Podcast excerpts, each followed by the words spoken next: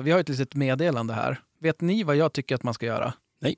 Nej. Jag tycker att eh, om, om man gillar podden och lyssnar och tycker så här, fasen, de, de där är ju, de må ju vara dum i huvudet, men det går ju ändå att lyssna på dem. Mm. så, så kan man faktiskt gå in och stötta podden på Patreon. Mm.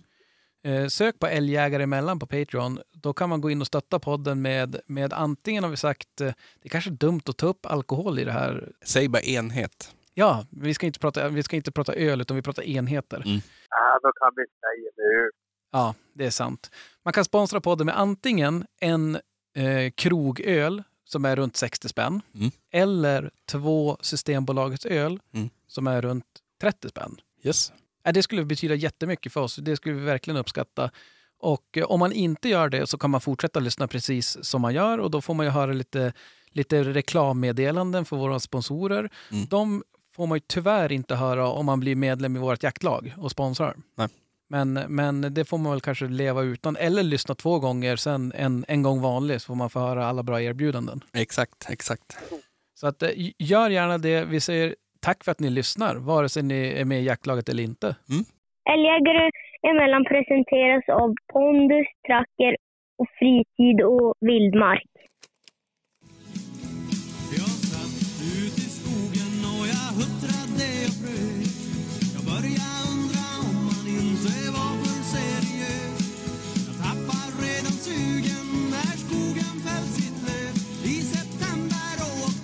Då vaknar vi.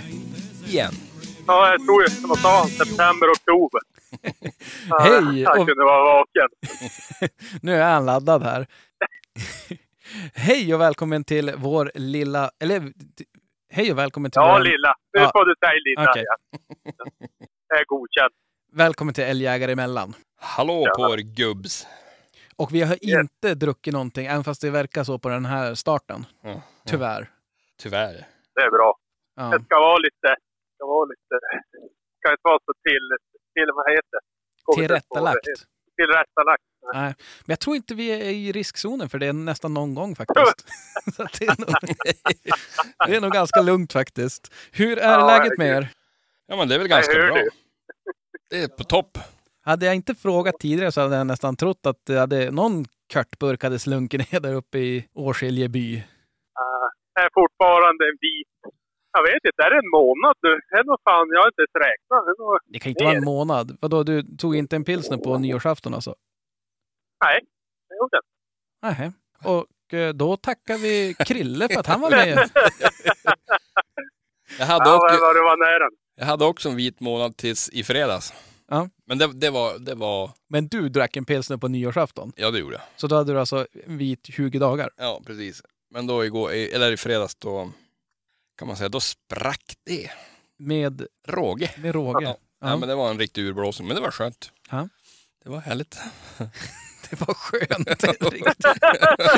Jävlar. Det märks att det var länge sedan jakten slutade. ja, faktiskt. faktiskt. Har det, har det hänt något jaktligt för er?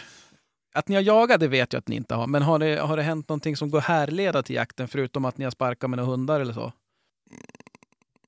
Ja, Nej, hör du, det är dåligt med det. Jag skottade ur hundgården. Räknas det?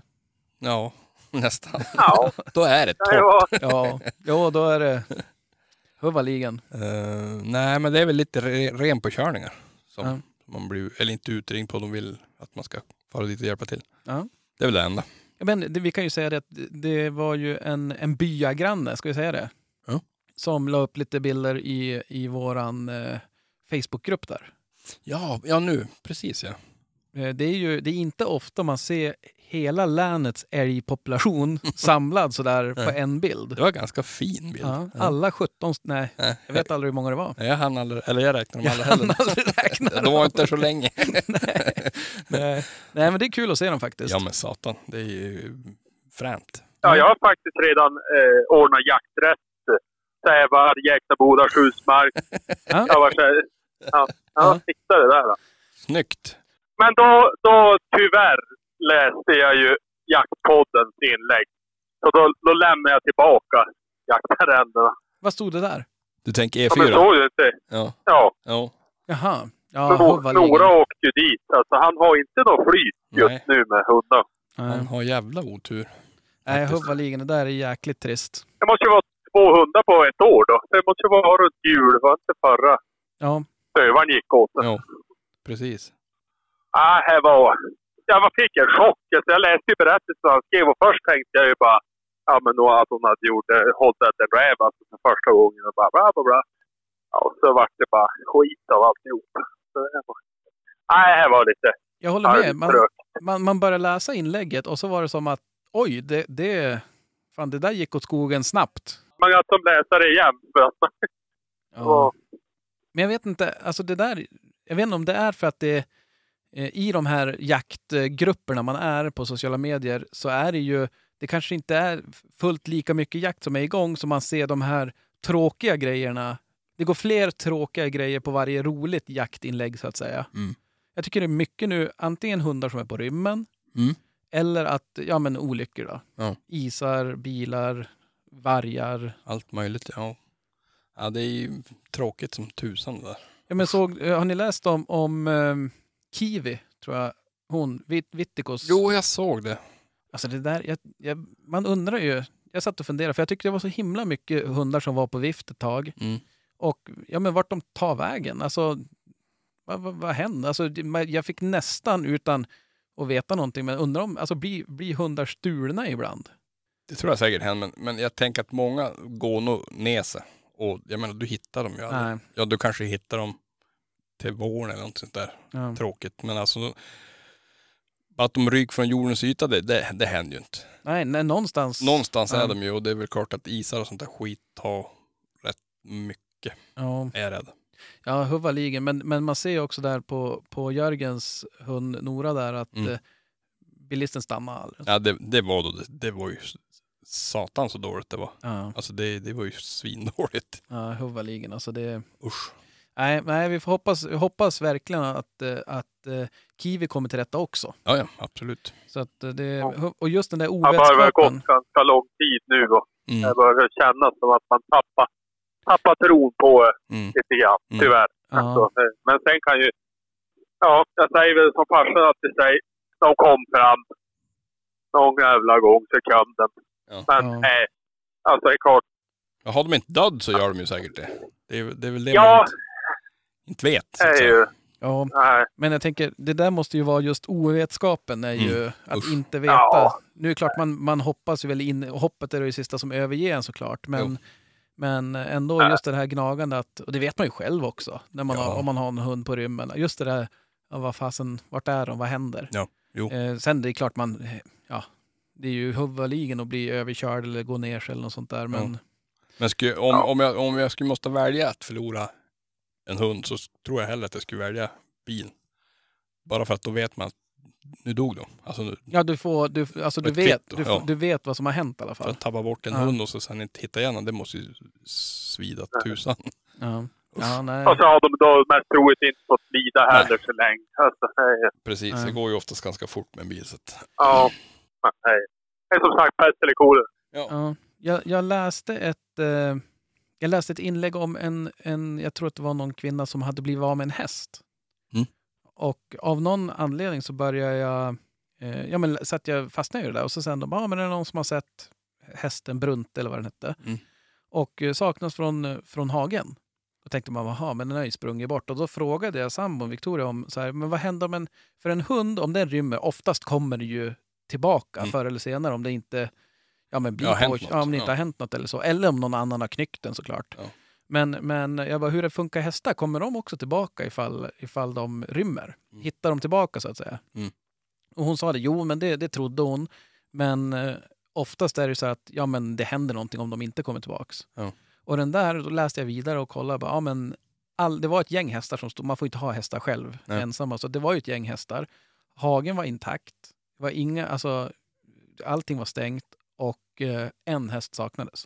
Men då kan man ju börja misstänka något annat. Ja, då kände det, jag Mm. tycker att det börjar lu- lukta boskapsstöld höll jag på att säga. Mm. Absolut, ja. Men, men, eh, för det är en sak ifall det är något som skrämmer om det kommer något, ja men i de här tiderna kanske de här eh, JAS 39 Gripen, heter Ja, de det? ja. Att de kanske bl- blåser förbi och skrämmer om att de rymmer. Ja. Men det vore ju konstigt om de skrämde ett. Jo, och de andra stod kvar, precis. Ja. Om det inte var en rysk häst. Russian horse. Jag har varit rädd för jasen. Alltså, nej. Nej, det, det, det är väl kanske långsökt, men, ja, nej, men det, det är tråkigt i alla fall för de här stackarna. det finns ju bevisligen folk som, som stjäl djur där ute. Det är ju Oh ja, det tror jag. eh, huvaligen säger vi. Mm. Veckans avsnitt av Älgjägare emellan presenteras i samarbete med Pondus. Nu måste jag fråga er här, hur, eh, hur tycker ni det funkar nu med, med fodret? Jag tycker det funkar jättebra. Det gör det. Ja, vad, vad, jag tänkte det, många, många kanske är lite oroliga för att det ska vara söligt och geggigt med färskfoder. Inte det minsta. Nej. Hur gör du då med, med när du ska, alltså hanteringen utav det? Jag ligger en dag före. Ja. Så att jag har en tinad korv varenda dag då som jag sprättar och i matskålen. Det är jätteenkelt. Inget kladd alls? Inte det minsta. Nej. Och hur mår hundarna utav dem då? De mår hur bra som helst. Ja. Det är full sprutt på dem. Härligt. Mm. Vad, vad säger du Krille? Vad, vad tycker du är... Du har ju kört an, andra foder också, det har väl vi alla. Eh, Men, men andra färskfoder, jag har aldrig kört någon färskfoder innan. Men du har ju kört andra färskfoder. Vad, vad tycker du? eh, Hur, hur står sig Pondus mot, mot de foder du har kört tidigare? Du behöver inte säga vilka du har kört, men... Ja, jag har ju bara kört eh, ett, ett annat Ja. färskfoder. Men ja, jag tycker att eh, jag blir bara mer och mer nöjd egentligen. Jag tycker att de mår superbra. Ja. Det enda jag blir lite irriterad över det är ju att de bajsar ju så sällan. så Man vet ju aldrig. Man går, går, går. Och, och, man alltså, här, Ja, det där känner jag igen. Alltså, Ja. fruktansvärt. Alltså, man tror ju att man inte ger dem någonting. Nej. Nej, Jag blir nästan orolig att jag måste öka på ännu hårdare. ja, hade det så ger inte... de ju bra. Ja, nej, men hade det inte varit för Hulle så då hade, det varit, då hade man ju nästan, som du säger, då blir man ju orolig. Mm. Ja, faktiskt. De måste Nej, suga åt sig jävligt allt. Ja, Mm. ja, nej, Ja. men det... Så att, eh, nej men det kan man väl, det är kul att vi alla är rörande överens om att vi är väldigt nöjda. Mycket. Eh, och eh, vi kan väl säga det att, eh, för ni, er som är nyfikna, gå in och läs mer på, på pondusfoder.com. Mm. Vi säger stort tack till Pondusfoder. Tack. Veckans avsnitt av Älgjägare emellan presenteras i samarbete med Tracker. Ja, men nu är vi ju i, i halvtid, höll jag på att säga, av jakten här. Mm. Och vi har ju jagat ett tag här med, med den nya, om vi kan säga det fortfarande, men, men eh, Hunter-appen, Trackers Hunter-app. Mm. Och eh, det har ju varit lite förändringar som man var, om jag ska vara ärlig, var man lite halvt skeptisk till dem i början. Mm. Men, men vad, vad, vad säger ni om, eh, om förändringarna nu när man har hunnit använda dem? Eh, Jag tyckte de funkar svinbra. Jag Ja. älskar ju de här grupperna som man kan göra. Ja. Och kanske styra lite grann vem som ser och vem som inte ser. Ja. Tycker jag funkar jättebra. Ja, det var ju en, en av de grejerna man var lite så här Mm. skeptisk till. Men, Ja, men jag var väldigt... ja, Precis. Man är ju alltid... Alltså det är förändringar eller... Alltså, Mm. det- Men det har faktiskt varit riktigt smutsigt. Mm. Ja. Ja, jag, jag kan bara hålla med. Jag tycker också att det funkar väldigt smidigt. Enda som inte har funkat riktigt med det där grupper, det är ju att Krille verkar inte kunna komma in i den här älgjägare mellan uh, lyssnare. Nej. Äh, är lyssnare, det verkar ju vara någon bugg. Men det får väl Tracker kanske jobba på. Ja, ja. Vi får skicka tracker dit. Men vad säger du då Krille? Är det någonting som du, som du har ehm, reagerat på nu med, med nya appen? Nej, men det var ju som jag sa tidigare där med den där uh, domarknappen där. Alltså för Ja, just det. sök och det där. Det var... Jag vart faktiskt lite... Jag var lite frän. Ja. Den, kan jag, den ska jag nog testa själv någon gång när man är ute och se. Ja, när de har på en sök och sådär. Ja, det hade man ju gärna sett. När hunden är ute på någon söktur. Men eh, nej, men, nej, men Nej, absolut. uppdag. Uppdag. Det, det är faktiskt det är sant. Det där är bra. Och jag kan utan att jag vet inte om jag avslöjar, men jag hörde några rykten om att jag tror att det är ett projekt som pågår med, med att kolla på fler grejer för Mm. att just kunna nyttja appen i jaktprovsmässigt, så att säga, i jaktprovssituationer. Mm. Så det får vi säkert alla anledning att återkomma till. Mm. Mm. Ehm, Och är du nyfiken, läs mer på tracker.fi. Mm. Vi säger stort tack till Tracker. Tack. Annars, Krille, har du hunnit lyssna någonting på David? Ja, absolut. Ja, vad säger du? Är det bara att sadla om nu? Ja, nej, nej, det tror jag väl inte. Men, eh, ja, men de gör det ju bra. Alltså, det är ju det är inte så jävla lätt att styra upp sånt där heller. Nej. Alltså, det är lite roddning så att säga. Ja, men och framförallt ganska olik den jakt man själv håller på med. Ja, absolut. Eh, Och sen är det ju ett speciellt djur. Alltså, Ja, eh, det är ju ganska mytomspunnet så att man har väl lite, lite respekt för dem så att säga. Ja. Det har man ju. Men jag var två grejer typ, ja, men som jag, jag tycker är så jävla... Först och främst så var han ju, ja jag läste det som en väldigt trevlig prick. Alltså han var, han var en sån här, som gick in, eh, ja att man kände som man hade känt att länge. Han var han måste vara lätt att intervjua kan jag säga. Eller låta honom ja supertrevlig. ja, nej. Och så just han kan ändå vara bjuda på sig själv och lite grann. Han Flatbomba på fångskottet på kalven. Alltså, här gillar jag, alltså, här gillar jag ändå. Alltså, här, Ja, ja. bara så. kan man vara ganska transparent. Precis. Ja. Vad var det mer jag tänkte på? Var, ja, men en annan grej var ju, var ju det här med, som jag själv har lite märkt för senare tid, eller år. Det här med kommunikation mellan olika jaktlag, olika kanske Äson eller Ja. Vad, vad kan behövas väldigt. Det kan vara ett telefonsamtal eller ett möte eller sådär.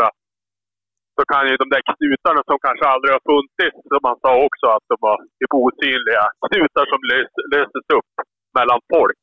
Ja. Att man bara överhuvudtaget bara har telefonnummer, att man vet att man surrar med den där killen. Alltså, att det behövs inte så jävla mycket så kan det bli en ganska bra relation ja. snabbt. Ja, absolut. Och, och där tänkte jag, hur, hur, för ni, ni, ni jagar lite björn där i, i dina trakter här i, ja, men i höstas. Ja, Upplevde du något liknande där? För då är ju, björnjakten är ju ändå hyfsat, eller på så vis kanske lite likvärdigt, Ja. att det är över gränser och att man jagar tillsammans med folk man kanske inte vanligtvis har jagat med. absolut, absolut. Det var... Nej, men så är det bara. Alltså, här. Sen är det ju alltid olika från olika ställen säkert, men Ja. det blir ju inte sämre Ja. än hur det är. Alltså, eh, så är det ju. Så du skapade inga, du knöt inga nya knutar synliga alltså? Det är ju bra. Nej, precis. Det är inte vad man vet. Det kanske de tycker. Det vet inte Ja. jag.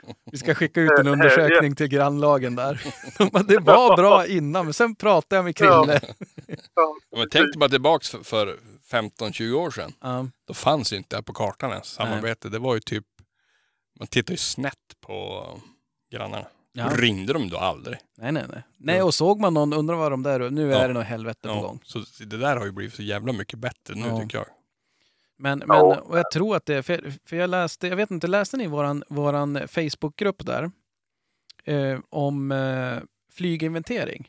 Kardell skrev ju om flyginventering och eh, ett, en, vad ska man kalla det, en, en liten historielektion. Nej, det missade jag nog. Eh, Nu kör vi lite högläst. Vi hade ju kunnat ringt och prata med Mm. eh, Jan-Ove Kardell istället. Mm. Men det gjorde vi inte. Det gjorde vi fasen Nästa gång. nästa gång. Eh, Att räkna älg från luften är ju den metod där man får fram absolut bäst resultat. Vi får hoppas att det kan gå att inventera med till exempel drönare i framtiden. För det som är lite yngre och aldrig fick uppleva älgexplosionen så kan det vara roligt att se lite siffror. Det här är en redovisning från 1981. Och det måste jag lägga in en liten passus. 1981, jäkligt bra år. Är det det? Av många anledningar. Okej. Framförallt att jag föddes. Ja. eh, det ska sägas att just 81 sköts det ännu fler älgar i vårt VVO på 9300 hektar. Nämligen drygt, gissa hur många som sköt? På 9300 hektar. Jag har ingen aning. Vad ska det vara? Shoot. Ja. Aj, jag fick ingen gissning. Nej. 130 älgar. Jag hade tänkt säga 90. ja jag vågar. Ja, jag tänkte säga över hundra, men Ja. jag kände fan, är det, är det rimligt? Hun- 130 älgar, alltså 14 älgar per 1000 hektar. Mm. Och 2022 sköt de 18 älgar, alltså 1,9 per 1000 hektar. Mm. Det, är, det är lite skillnad. Det är lite skillnad ja. ja. Eh, och nu har vi i bästa fall 5 fem älgar per 1000 hektar i vinterstam. Mm. Naturligtvis vill ju ingen ha tillbaka, eh, ingen vill ha tillbaka det ljuva 80-talets älgstam. Men det börjar på väldigt, väldigt många håll knappt vara en jaktbar stam. Och ändå är ju fem älgar per tusen hektar, det ska jag vara. Då man ju bara känsla som att nu var det goda tider. Ja, då, då, då skulle Krille bom- bomba på. Nej. Bomba på. Nej, men de har en Nej. flyg, flyginventering här på 9330 hektar. Och summa älgar före jakten 1980. 78 tjurar, 110 kossor, eh, fyra stycken som är av okänt, okänt kön och 30 tjurkalvar, eh, 19 kvikalvar, okända kalvar 52. Totalt 295 älgar Helvetet alltså. på 9300 hektar. Ja, det är Ja. makalöst. Men då var det ju för mycket. Ja, ja, ja Mm. absolut. Men ändå, det, är alltså, det, är, det är fräna siffror att höra. Ja, alltså jag menar 295 älgar på, på 9300 hektar, det är klart det är för mycket. Ja. Säg 270. Max. Nej, Nej Och, men och då, då tänker jag ju direkt så här, vad gjorde de med allt kött? Ja. ja. Och Det var nog inte... hua då? Vad fan Näst- gjorde de med det? Nä, nästa gång du ser mig, då kan du tänka, okej, dit försvann en hel del. Men, eh, nej, men och det, som, det jag slogs av det där, det där, sånt där, jag tycker det är ju det är alltid intressant. Jag tror att det finns alltid mycket man kan lära från historien. Mm. Sen är ju inte det något facit för vad som komma skall, men, men Man eh, kan ju ta lärdom av det. exakt. Mm. Och eh, då tänkte jag när, när man läste om det där att det var så helvetes mycket älg. Mm. Och då tänkte jag att det där var 1981 och av som av en slump så har jag rätt bra koll på hur många år sedan det var. Mm. För det är så många ljus som är på min tårta. Mm. Och eh, då tänkte jag det att då- är det ju liksom 42, vart jag osäker på därför. Men 42 år sedan. Och den skogen som de då åt upp eller inte åt upp. Mm. Den, alltså man borde ju kunna se nu hur, hur ser skogen ut. Går det att göra någon bedömning? Mm. Tänkte jag. Jag, jag. jag är ju ingen vad, vad heter det, jägmästare eller kan skog på så vis. Men jag tänkte, kan man se någonting? För det måste ju, det, jag tänkte det borde bli soprent. Mm. Med tanke på hur mycket som älgen sägs äta eller hur mycket det förstör idag för sådana värden, tänker man om det fanns så där. Mm. Tror inte att eh, dagens älgstam får sota lite grann för, för, för förra, för, för, förr tidens Det är så jävla många parametrar i det där Jo. också. Hur många procent eh, var eh, eh, kalhyggen eller tio år gammal skog eller ja, vad Jo, man jo. ska räkna med. Absolut, hej, men, men den där älgstammen var ju inte bara där då. Det är ju inte bara i det här, på de här 9000 hektar Nej, som nej, det nej. var så. nej. Det, var ju, det- var ju inte samma, men det var ju likadant här. Men, men det, det, Alltså. det, det, det som man teoretiskt måste kunna säga, det, det är att det är helt jävla omöjligt att det är mer betesskador nu. Alltså det går ju inte. Nej, man tycker ju det. Nej men alltså det, det går ju teoretiskt. Ja, och det är att älgarna helt plötsligt börjar äta fyra gånger så mycket. Ja, eller att det inte Ja, finns eller något att det annat. fanns så mycket annat. Ja. Ja. Så att, och det Det är där, det där är ju någonting, för jag, jag kunde inte hålla mig. Ja. Och jag vet, jag, vi har ju sagt det tidigare någon gång att ja, men, eh, i, i de här diskussionerna, ska vi skriva där eller ska vi ta lyfta i podden? Och jag vet inte vad som är rätt och fel. Men, men, Men du, vi, vi gör ju faktiskt som vi själv vill. ja, det är sant. Ja. och där tänkte jag att jag måste ställa en fråga, en fundering. Mm. Den skogen måste ju vara kring 45-50 år nu, Mm. tänker jag. Hur ser skogen ut? Tänker att det måste ju ha varit hårt betestryck. Eh, och då fick jag svar. Eh, vi håller precis på att gallra ett område som jag minns var ungtall i beteshöjd i början på 80-talet. Det var då vid något tillfälle över 30 älgar i en flock nära den ungskogen. Det är jättefin skog där nu, men det finns vissa skador som brorsan ser från skördaren när han apterar rotbiten. Mm. Men det är absolut inte mycket. Nej. Och så en bild också, men det, ja, det säger inte, det är träd. Mm. Mm. Eh, och, och sen är det ju många som, som kommenterar och, och eh, man ser inte skador och vice versa och sådär. Mm. Och jag, jag säger inte vad som är rätt eller fel, men jag tycker att vi borde ju snart kunna se ett facit vad, det, ja, precis. ja, men vad, vad den stammen, när, när vi hade en sån, åtminstone dubbelt så stor älgstam, Alla dagar i veckan. Jo. eh, och, och hur det påverkade, ja, men påverkade skogsbruket då. Mm. Och det är väl ingenting som vi reder ut här och nu. Men jag tänkte att om ni som lyssnar, om ni vet någon som är duktig på sånt här. Mm. Eh, och, och det spelar ingen roll om man, om man är, eh, vad ska man säga, för eller mot älgen. Utan bara så här, ja men man, har, man, man, ja, man vet vad man pratar om Mm. och det här är fakta. Mm. Så, så hojta gärna. Eller om ni vet av någon som är duktig på de här bitarna, att just kunna bedöma träd eller hur, hur skogen ser ut. Mm. Så att vi kan, eh, för, för jag är nyfiken, jag vill veta mer istället för att det ska vara massa tyckande hela tiden. Bra tanke. Vad tror du om det Krille? Eller kan du bara svara här och nu kanske? Nej, jag kan definitivt inte svara. Men du kan säga vad den hade rätt och fel efter när du lyssnar på våra samtal. Ja, alltså då, då går jag in och korrigerar så att han kan tänka på det nästa gång han uttalar sig i vissa frågor. Ja, det är bra. Ja, nej, jag vet inte. Jag, jag tycker bara att sånt, sånt här är ju våran lilla nördgrej som man tycker är kul att prata om. Mm. Ehm, och eh, att ehm, ja, men nu när det lite är, eller ganska mycket ebb på jaktfronten kan man ju prata om sånt här istället. Helt klart. Vi kanske förlorar många lyssnare. Nej, men det tror jag inte. Alltså, många jägare är ju även skogsägare. Eller, alltså, alla är ju involverade i, Mm. på ett eller annat sätt. Både, är du både älgälskare, eller är du både älgälskare och skogsälskare. Alltså, det kan ju vara ja, många aspekter. Mm. Det är hej bara kul att lära sig och, och, och höra. För när då skogsbolag eller vilken som helst kommer och säger vissa saker så kanske man kan opponera sig mot det eftersom att man skapar sig en annan kunskap. Alltså, man, alltså, Mm. man behöver inte stå där som vanligt med mössa till hand och då, se Ja. dum ut. Ja, det kommer jag göra hur som helst, men man kan ju ändå... Ja, här kan man ju. Och sen är det ju faktiskt så att om man inte vill lyssna på oss på grund av det, ja men då har man nog rattat in fel podd från första början Mm. tror jag. Men jag, jag, ser en, lit, jag ser en liten, eh, en liten eh, vad ska jag säga, en livlina för mig. Ja. Tänk om jag råkar klösa sönder något paket när jag jobbar. Ja. Och jag får reklamation. Jag kan ju bara skylla på betesskador. Ja, ja. Det är ju undermålig kvalitet. Jag är med det. Det, det var ju betesskador på 80-talet. Du måste säga det. Vi ska se Jättendal, tror jag marken hette, som den här flyginventeringen var. Okej. Och det man gillar är att det är skrivet med penna och så är det uppritat med linjal. Mm. Ingen jävla Excel, Nej, utan nej. det är linjal skrivet med penna. Jätte... Säg det att det här paketet Ja, måste ju komma från Jättedal. Ja, det ska jag göra. Det går inte att reklamera. Nej, Det här får du ta upp med staten. Kört. Ja. Nej, nej men det där, det finns... ehm, Mycket att prata om där. Ja. Mm. Så att, men apropå mycket att prata om. Mm. Vi, vi hann ju som inte klart riktigt. Vi kom ju som aldrig in på jakten med David här sist. Nej, precis. Ska vi, vad tror ni, ska vi ta och lyssna lite grann på, på hur det faktiskt går till att jaga? Eller hur det går till, hur, hur de brukar göra när de jagar. Ja, det tycker jag. Vi, vi gör så och sen hörs vi.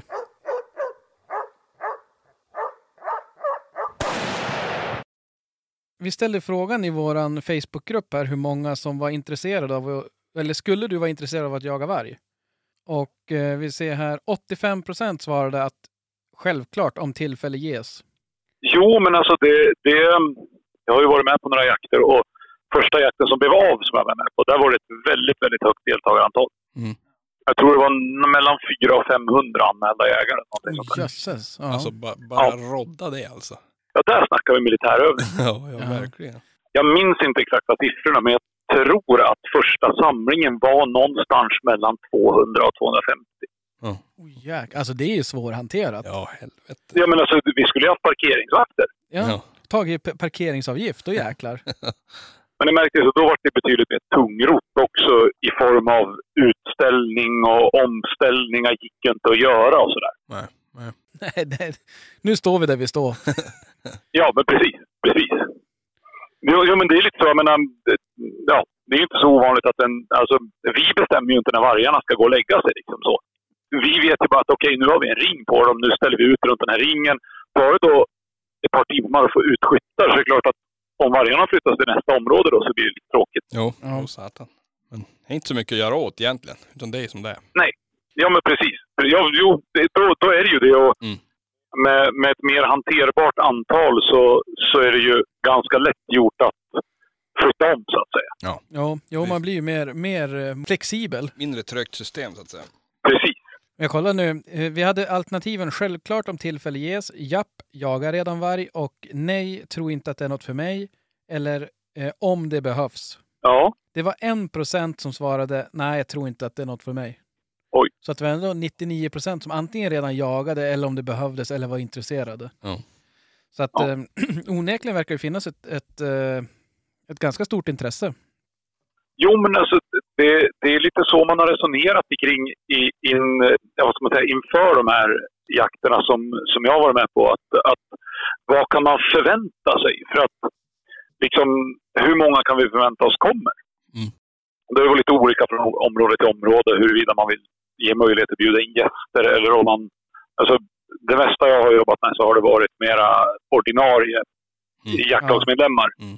Eh, och så har man väl börjat på något sätt, är så vis som vi tog upp lite tidigare, och sen gått bredare i, ja, om, om området är större och så vidare. Mm.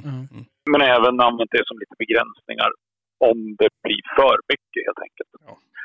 Och, och jag har väl inte velat stå inför en situation där man har betänkt att det potentiellt kan anmäla sig 250. Eller det gör det helt enkelt. Och sen så känner jag att ja, men 50-60 är hanterbart. Liksom så. Är det jobbigt att sålla då? Ja, precis. Ska vi börja sålla, då har vi liksom Mm. måndagen, tisdagen eller vad ska man säga, första, andra dagen. Liksom. Ja, men då är alla 250 på tå. Mm. Det är två minusgrader och nysnö. Liksom. Så på onsdagen har vi 15 minusgrader och ingen nysnö. Och, och helt plötsligt minskar det ner. Och då har jag liksom sållat från start och tagit ja, men, grupp 1 med 50 exempelvis. Alltså dag 2, grupp 2 med 50. Kallat dem. Men sen när jag kommer till dag 3, liksom, ja, men då är det bara tre av de 50 som kommer. Hur gör vi då? Precis, Ja, exakt. det är klart. Det där är... Man kanske får börja ha som i, vad heter det här programmet på TV4? Idol? Nej, men man har auditions innan. Ja, men precis. De Ja, får komma in och så sitter det tre stycken så här. alltså, hur pass sugen är du på att jaga? Nej, det blir en trea, du blir grupp 4. Ja. Guldbiljett! Du är rakt in i jakten. Du gick rakt in i finalen. precis. Du kommer bara behöva vara med de sista 30 minuterna på dagarna. Ja, varför inte? Vi ringer dig när det hettar till.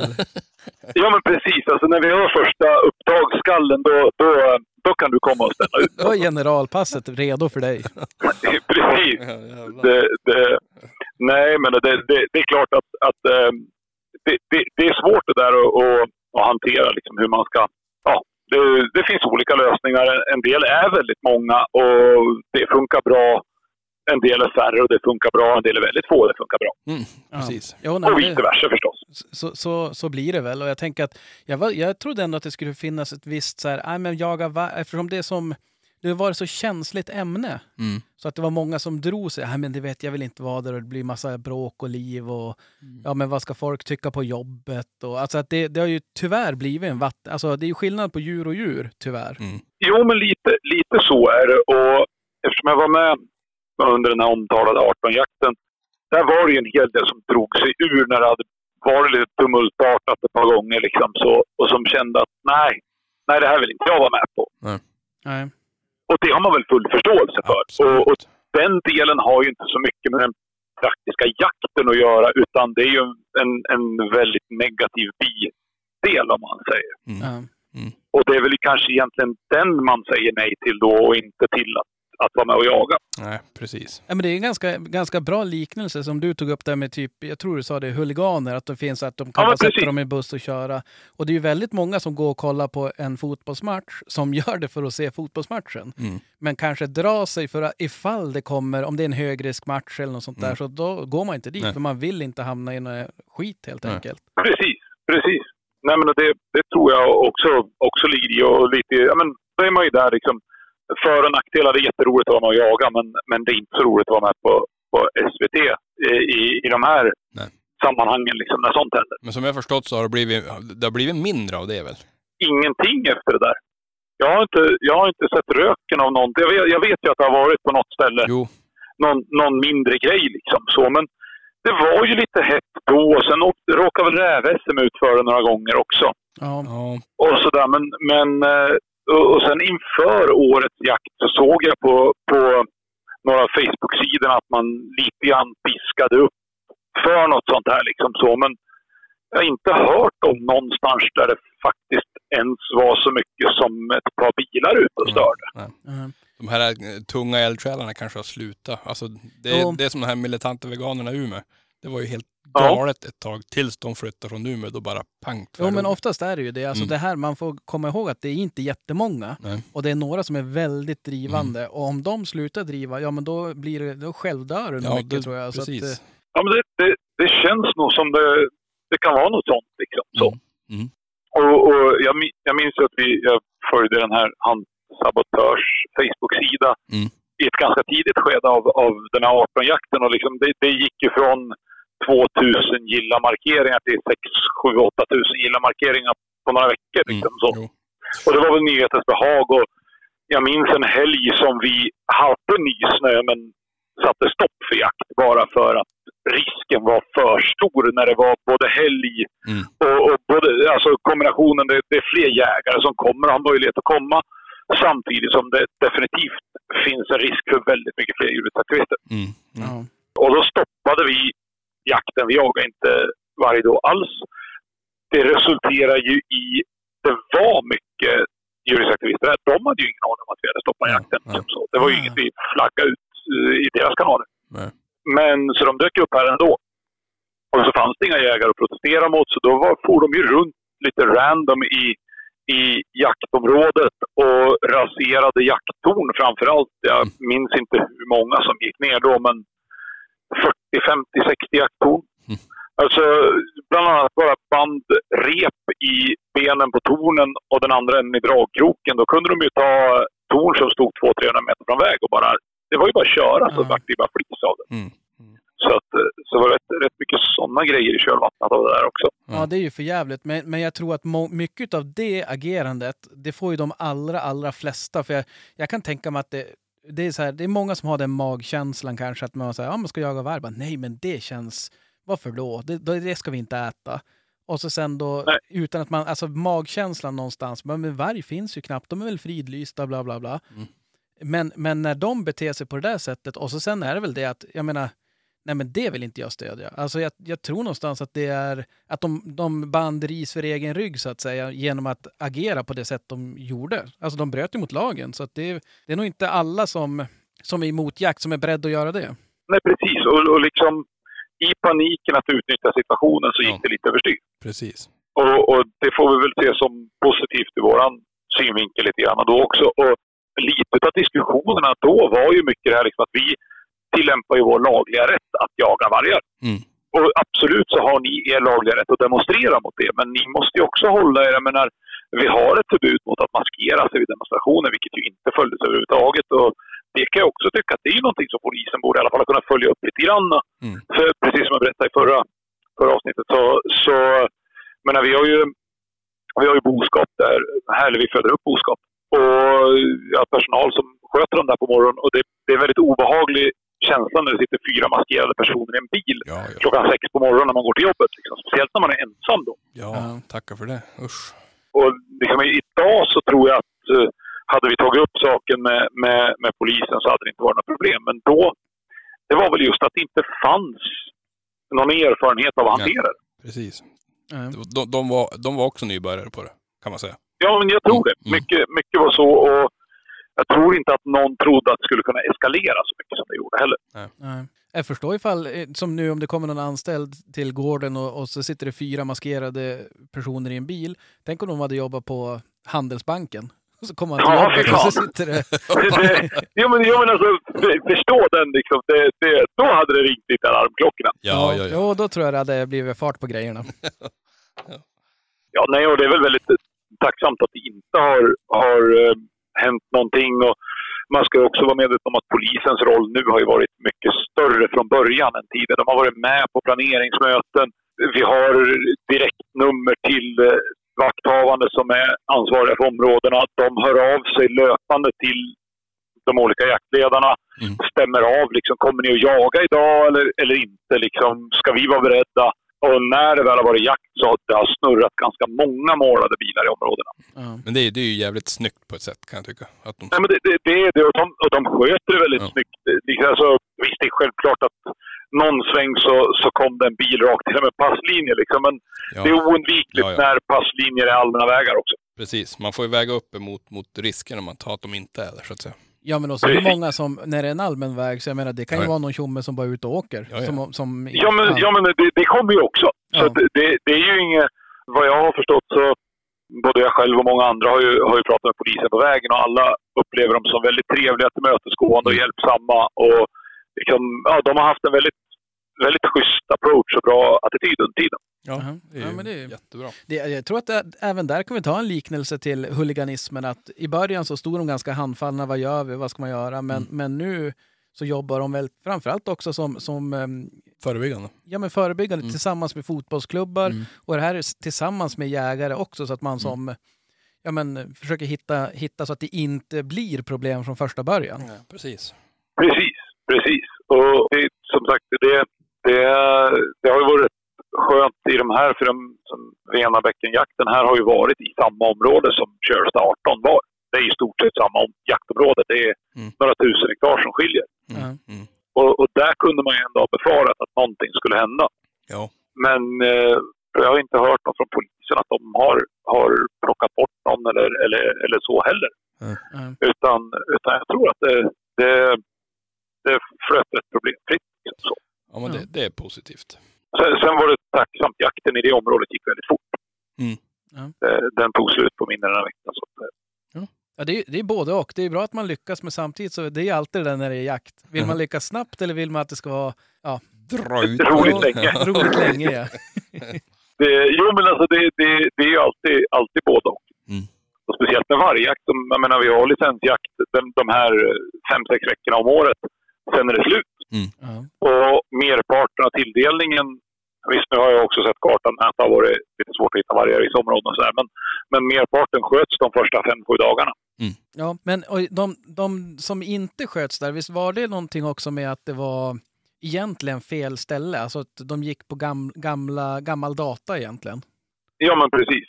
Sen, sen har det varit som några ett vi, vi jagar i, där är, eh, där är inte klart än och, och eh, vargarna går in och ut ur området och, och ja, det, det är inte helt enkelt med varken snöförhållanden eller vargar och få det att flyta på bra. Ja, Där skulle avlysningsjakten kunna funka bra. ja precis. Man, man skjuter dem där de finns. Ja, exakt. Det är så här många som ska skjutas. Jag, jag, jag träffade en av Länsstyrelsens naturbevakare tidigare idag och, och, och nämnde just det där med, med, med att man kanske skulle skjuta dem där de finns istället. Han, han skrattade tyckte jag. Det hade varit en bra idé. Ja, det funkar Ja. bevisligen på älgjakt. Varför skulle det inte funka på vargjakt?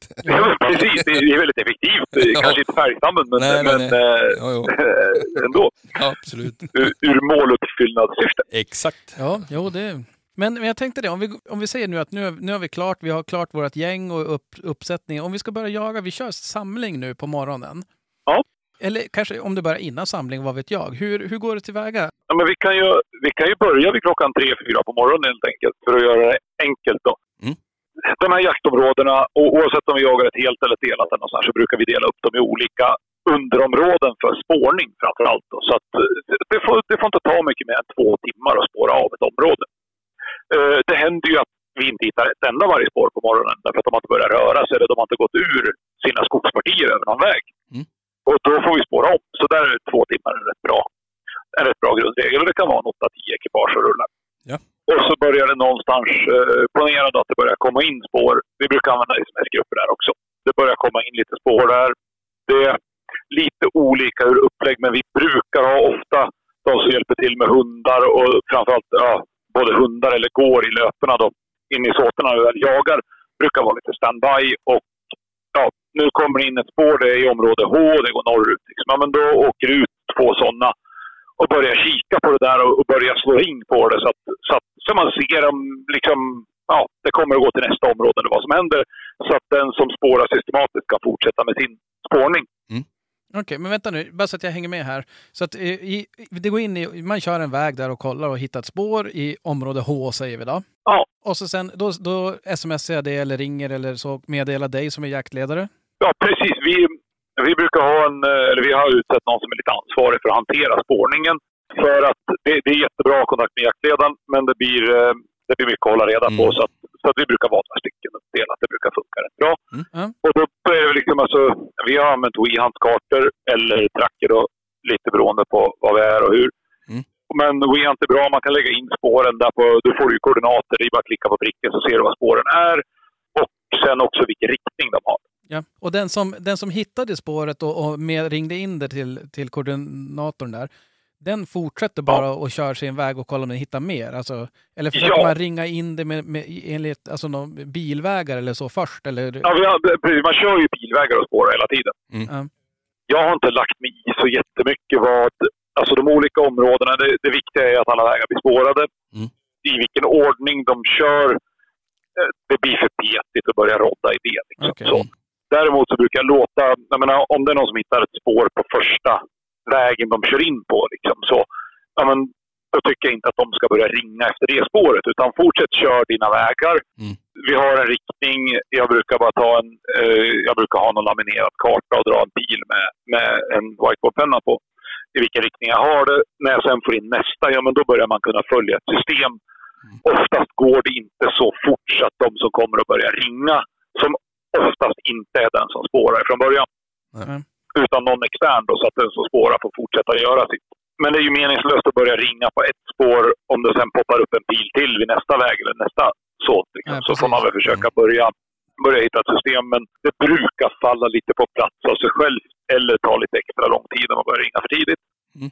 Det är lite både och. Det är skönt att ha ringen klar så tidigt på dagen som möjligt för att alla de här processerna tar tid. Ja. Ja. Och, och så här, men vi ponerar att vi har fått in tre övergångar och sen har jag skickat ut två, tre stycken som ringar det här. Och de slår in på det här. Vi hittar inga fler utgångar. Ja, men då har vi ett område på 400-500 hektar. Vi brukar försöka mäta med någon trippmätare eller någonting så man har hygglig koll på det. En del kartor har vi uppmätt hur långa vägarna är från början. Mm. Men det är ett jäkla jobb att hålla koll på. Så att, eh, ja, det, det, det, är lite olika. I, I ett av områdena vi har så har vi en som är jättebra på att hålla på med OEM. Så han fixar allt det där. Så då, då ser jag ett, ja men lite som jag tog upp tidigare, en karta med de här numren på. Sen har jag bara ett snedstreck och där står det 1,1. Ja men då är det 1,1 kilometer och då vet jag att det går åt en 7-8 passkyttar. Liksom så. Mm. Eh, så på så vis är det ganska tacksamt. Men jag tänkte det, vi kanske måste förklara också ringa. Det är väl inte säkert alla älgjägare vet vad det är? Nej, nej precis. Nej, man gör inte så mycket så med älgar. Liksom. Det hade, hade varit jättemycket enklare. Ringa är alltså om vi har ett spår in i ett område, alltså återbelyser, vi spårar bara efter vägar. Mm. Då har vi ett spår in i ett område som vi kan köra runt med bil och inte hitta några utspår. Det är ju en ring. Då har vi en säker ring med inspår utan utspår. Det vill säga vi vet säkert att där inne i det här området så finns de. Mm. Ja. Det, det är ringen så att säga. Mm. Och då har vi ju liksom, ja men då har vi kommit till det där att, att några av de här killarna och tjejerna som, som håller på med det här har gjort den här ringen. Då, um, dels brukar jag alltid ha lite som uppslaget att vi jobbar på två ställen samtidigt. Det vill säga, är det ytterligare någon som har ett spår i en annan del av området så brukar några stycken få jobba vidare med det. Liksom. Är ringen klara, men då kan vi ta den bil som har varit med och spårat där och hjälpa till med nästa ring Mm. och, och jobba där så att säga. För att det är väldigt ofta så vi har missat ett utspår eller något. Det är det väldigt ofta, men det händer att vi har missat utspåren. Det är inte skitenkelt alla gånger. Men varje har en tendens att gå i både älgspår och vildsvinsspår och, och lite sånt där. Och så ser man att det där är en älg som har gått. Det behöver vi inte titta så noga på. Och sen när man väl tittar lite noga på det så ser man att det är en trampdyna i botten också. Ja. Så att det händer. Och, och att då ha lagt allt krut på den här första ringen och så inse när man har börjat samla och göra klart utställningen med passkyttar att skit också, det var ingen varg här. Ja. Det kan ju bli lite bökigt, men det händer. Då är det skönt att ha en ring på rulle så att säga. Precis. Mm. Det är lite någon sorts devis jag har haft. Och, och ibland så, som sagt, de där pilarna på kartan är inte så dumma heller. Därför att man kanske inte hittar utspåret på den här ringen. Men sen hittar nästa och nästa och nästa. Och så börjar man titta på det här mönstret i pilarna och inser att är vi helt säkra på att vi inte ska spåra den där vägen ett par gånger till? För Mm. det kan finnas ett lurigt utspår någonstans. Och inte helt sällan så gör det det. Ja, precis. Men, ja, men hur ofta händer det att ni slår en ring och så sen visar det sig att det inte är att, att vargen inte är kvar? Alltså hur ofta har den smitit ut i några älgspår eller någonting? Det är svårt att ge en klar bild av egentligen. Det beror ju rätt mycket på snöförhållanden och sånt. Vissa snöförhållanden är väldigt lätta och andra är inte alls lika lätta. Okej, men du, då känner ni ändå så här när ni går ut att ja, men nu har vi bra förhållanden. Får vi en ring nu Ja. så är den, ja, men då är den 80 säker eller vad man ska säga. Ja, men typ, typ. Man får lite en sån känsla av det. De som har varit med ett tag brukar ju liksom säga men den där vägen vart plogad igår och sen har det varit, varit blött då så har det blivit kallt. Så även om det är lite pudersnö här på vägen så är det stenhårt i vallen och det är lite knaggligt av snöplogen. Mm. Det är fan med svårt att se något spår där. Vi måste gå ta den väldigt långsamt och kolla liksom slänt andra sidan slänten på diket eller någonting sånt för att se. Det kan ju också vara så att det är en hård snövall så har vargen inte travat utan han har gjort ett språngspår. Vilket ju ser helt annorlunda ut. Speciellt om det är två decimeter eller tre decimeter pudersnö liksom, Mm. på andra sidan. Mm. Så att det, det är liksom lite olika svåra förhållanden. Liksom 3-4 centimeter snö och ingen gammal snö. Och så är ju väldigt enkla förhållanden. Liksom. Ja, då är det nästan hundraprocentigt om ni har Ja. ringen. Så fort du börjar blanda i liksom, eh, lite äldre snö och skarsnö och, eller, eller att du har nollgradigt en plus på morgonen och sen går du över till minus en på dagen. Liksom. Då går vi helt plötsligt från tydliga avtryck till knäcka skare. Mm. Eller tvärsom som det brukar kunna vara kallt på morgonen och, och Mm. varmare på dagen. Ja, precis.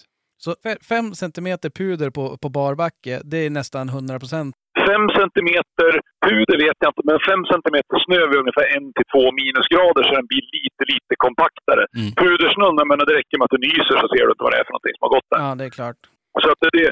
Men vad man, ska, vad man kan belysa med de bitarna är väl att spårningen är A och O och hela alfabetet egentligen. Mm. Funkar inte spårningen så funkar ingenting. Nej. Det, det är inte svårare än så. Vi har också så, i och med att det inte, av någon konstig anledning så kan vi aldrig få snö på beställning. Liksom så. Är det så? Ja. Och har vi då, ja men vi har natten till första dagen på vargjakten. Det kommer fyra centimeter pudersnö, eller bra spårsnö. Ja. Då har bilarna med sig som spårar sprayburkar. Och så målar vi övergångarna. Mm. Dag ett till exempel, så den som ansvarar för spårning skriver han in i gruppen att idag så är det orangea kryss. Och då slår de ett orange kryss i det spår som de har markerat. Och då är det också rätt viktigt att göra det i alla avtrampen för att de går gärna i samma spår. Därför att annars men du har gjort, ja men du har en övergång där du ser du har två vargar, du ser att de har gått över där och så slår du bara ett orange kryss i ett av trampdynnedslagen. Och så, så vart det inget, eller vi sköt de vargarna eller någonting sånt där då. Och så kommer vi dit nästa dag, samma procedur, vi spårar igen, men vi har ingen nysnö. Och så kommer du till det där, den där övergången där de där två har gått över, men du bara har märkt ett utav trampslagen. Liksom så, då, då står det där, ha, har det kommit en till? Hur fasen var det nu här? Eller det kanske rent av är så att man har bytt chaufför den dagen. Liksom så. Mm. För den andra var tvungen att åka till jobbet. Ja, men här är det bara etta. Men då har det då kommit en till varg och gått där. Ja, men då kan vi börja slå ring på den. Och sen har nästa spårare som kommer i andra sidan av det här området, han var noggrann. Så han har slagit i blå färg i alla, eller orange färg i alla spår. Liksom. Ja, men, ja, men, ja, men då har vi ett nytt spår. Mm, In i det här och sen helt plötsligt så ringar vi samma vargar som igår. Mm. Precis. Eh, Så det där är lite, lite noga. Det, det är noga att ha en samsyn i det. Och man behöver vara noggrann. Liksom, så. Mm. Och ju mera de springer, desto svårare är det. Och ju fler dagar efter snöfall. Så kommer du till dag tre, fyra efter ett snöfall, då kräver det väldigt mycket för att lyckas. Mm. Skulle jag säga. Mm. Och det blir väldigt mycket missade spår. Precis. Eh, och det, det, blir, alltså det är bara lite att tänka hur man funkar själv också. Man kommer att köra förbi de där från igår och från i förrgår. Liksom. Det blir lite motoriken, att man, blir inte, man hajar inte till lika mycket som när du åker på den där helt okörda huvudvägen som vi pratade om. Liksom. Så, Nej. så det är lite, lite lurigt. Mm. Nej, så att, som sagt, spårningen är, är, eh, den är grund till lite osämja internt också emellanåt, kan man väl säga. men, men, eh, och alla är jättebra och alla är jättedåliga. Och ja, det, det kan vara sådär ibland. Ja, ja. Speciellt när man har hållit på ett tag. Ja. Och så sen vet man vem som har spårat vägen och så får man höra det och så tänker man ah, men det där tar jag med en nypa salt. Eller det där tar. Nej, och Precis så. Precis så. Lägger in Liksom. i, egna, Men- egna värderingar. Ja. Jo, men det vill fasen till att inte vara för kaxig därför att du kommer att missa själv också. Ja, ja, Ja. ja, ja. Jo, jo, det kan jag verkligen, verkligen tänka mig. Men, men om, om man då, som jag förstår så är ju är spår, alltså förarbetet med spårning och ring, alltså slå ringen, att det, det är liksom, ja men du sa det, A, A och hela alfabetet. Men Precis. när man då har, har gjort det och tänker att ja men nu har vi den här, vi har ganska goda förhållanden så att man kan våga hoppas på en 80-90 Ja. procent chans att vargen, eh, eller vargarna är kvar där inne. Va, vad gör man då? Då vet ni att i det här området, Precis. Och då, då är det ju som att nu, ja, men nu har vi de här 300 hektaren. Här inne är vi rätt säkra på att de är. Och klockan är åtta på morgonen. Jag har skrivit i, eller vi som har organiserat har skrivit i jaktprogrammet att när jag skickar ut sms i de här sms-grupperna kallelse till jakt så, så står det då att du ska svara kommer eller så ska du inte svara alls. Mm. Och när jag har skickat det här i grupperna, eller nu tar jag mig ju jag person som om jag är jaktledaren om man säger så. Mm. Och jag har kallat till jakt. Då har vi skrivit i PMet att då har du en och en halv timme på dig att infinna dig till den samlingsplats som jag skriver. Alltså, men vi planerar att jaga. Vi har en ring, samling, samlingsplats 3, punkt. Mm. Och, och det är vad som går ut i grupperna. Och då kommer det att börja plinga. Kommer, kommer, kommer, kommer och kommer. Mm. Och då är det ju så. Jag har skickat ut en 08.00. Då är det 09.30 som gäller. Då drar vi igång. Då sätter jag ut passskyltar, inte ni- 09.40. Det kommer att komma någon 09.40 också. Men eh, och man får väl lösa det liksom så. Det tar Mm. lite tid att gå igenom. Mm. Under tiden då, då har vi en och en halv timme plus den tid det tar att ställa ut skyttar. Så säg två timmar. Två och en halv kanske. Från början hade jag samlingsplatserna en bit från där jag trodde att vi skulle jaga, men det har jag ändrat lite på senare tid. Vi har varit väldigt nära där vargarna har legat eh, och där vi har ringat in dem och det har inte gjort jättestor skillnad. Jag har inte varit med om att de har toksprungit ur ett område för att vi har samlats en halv kilometer därifrån. Mm. Mm. Hur som helst, vi har ett tidsspann där. Liksom, så. Och som jag sa tidigare, vi vet ju inte, liksom, de här kanske aldrig var... De, de hade inte tänkt att ta daglega, liksom, så, utan de hade bara hittat rådjur på vägen som de tuggade i sig och sen knallade de vidare. Mm. Och så händer det i det här två och en halv timmes spannet och jag står nere vid en samling, kanske tillsammans med en vicejaktledare. Li- Lite av de första som kommer, några spåren och sådär. Så går vi igenom på kartan liksom vem som... Ja, men hur, hur, hur tänker vi lägga upp det här liksom så? För att vara då hyggligt säkra på att den här inte drar, eller de, igen ur området så brukar jag sätta ett par, tre bilar på att spåra runt området löpande. Hela tiden fram till hela utställningen är klar. Alltså de håller koll på utspår. Ja. Och anledningen, anledningen att ni träffas närmare nu är för att, du, för att spara tid helt enkelt? Ja. Så det, det, jag vill ha ut skyttarna så fort det bara går. Mm. Jag kan ta ett sånt exempel var eh, sista dagen på, på Venabäcken i år. Då sköts första vargen på dagen innan hundarna var släppta precis efter att passlinjen var utställd. De Mm. rörde sig fortfarande. Ja. Och det var ju liksom, eh, ja, det var resultatet av en väldigt, den utställningen gick väldigt fort, väldigt smidigt. Mm. Så att eh, vi, vi var precis på att förbereda för att göra klart hundar och, och, och lite annat och då small det. Ja. ja, det är klart. Ju, ju snabbare man är på plats, desto mindre blir risken att de knallar ut därifrån såklart. Mm. Eller att man, Ja, eller att man kör på ett, eh, ett utspår. Mm. Ja, jo men det är ju så. Vi lägger ju vind och, och studsar runt djur. Jag menar, som sagt, det här är ju ett mer uppmärksamt djur än en älg. Och det är klart att de eh, kan ju hända att vi stör dem när, när vi ställer ut och så vidare också och får dem att gå tillbaka in och, eller runt. Va? Och, och därav är det ju viktigt att försöka få ett flyt att få ut hela ringen också. Mm. Ja. Jag blir lite förvånad att ringarna är sällan, äh, kring 500 hektar. Det är inte så där jättestort. Det kan bli väldigt mycket större också. Ja, jo. Men man försöker, man försöker få ner... eh, Det beror ju lite på var det finns vägar. Jo. Vi skär ibland i, i, i terräng också. Men, eh, men, eh, och ibland är det oundvikligt att vi måste ha en passlinje i, i, i terrängen då, så att säga. Mm. Det som är bökigt med det är ju att den är väldigt mycket svårare. Den ringen är väldigt mycket svårare att hålla tät. Mm. Du kan inte kontrollera den hela tiden. Nej, precis. Så därav är det är av de skälen som jag tycker att det är tacksamt att använda vägar. Mm. Vi jagade häromdagen på ett och ett halvt tusen hektar också. Ja. På sju passkyttar. Vargen passerade på 150 meter från en av dem, så det var väldigt nära. Men det gick inte att komma åt och skjuta. Nej. Jag tror inte ens han såg. Det fanns inte möjlighet. Men, eh, men ändå. Hur som haver så, ja. Då, då är det ju bara ut med, med passkyttar. Och det är ju inte så mycket lämpligt antal, utan så, så här, första gången jag var med när vi var väldigt många passkyttar, då fanns det passkyttar till att ställa dubbla passlinjer eller större ring om man skulle vilja göra det. Men då föredrar i alla fall jag att ha två linjer där jag får för mig att det är de hetaste ställena för dem, för dem att gå ut. Liksom, så. Mm. För det är väldigt ofta det kommer igenom passlinjen. Det går fort.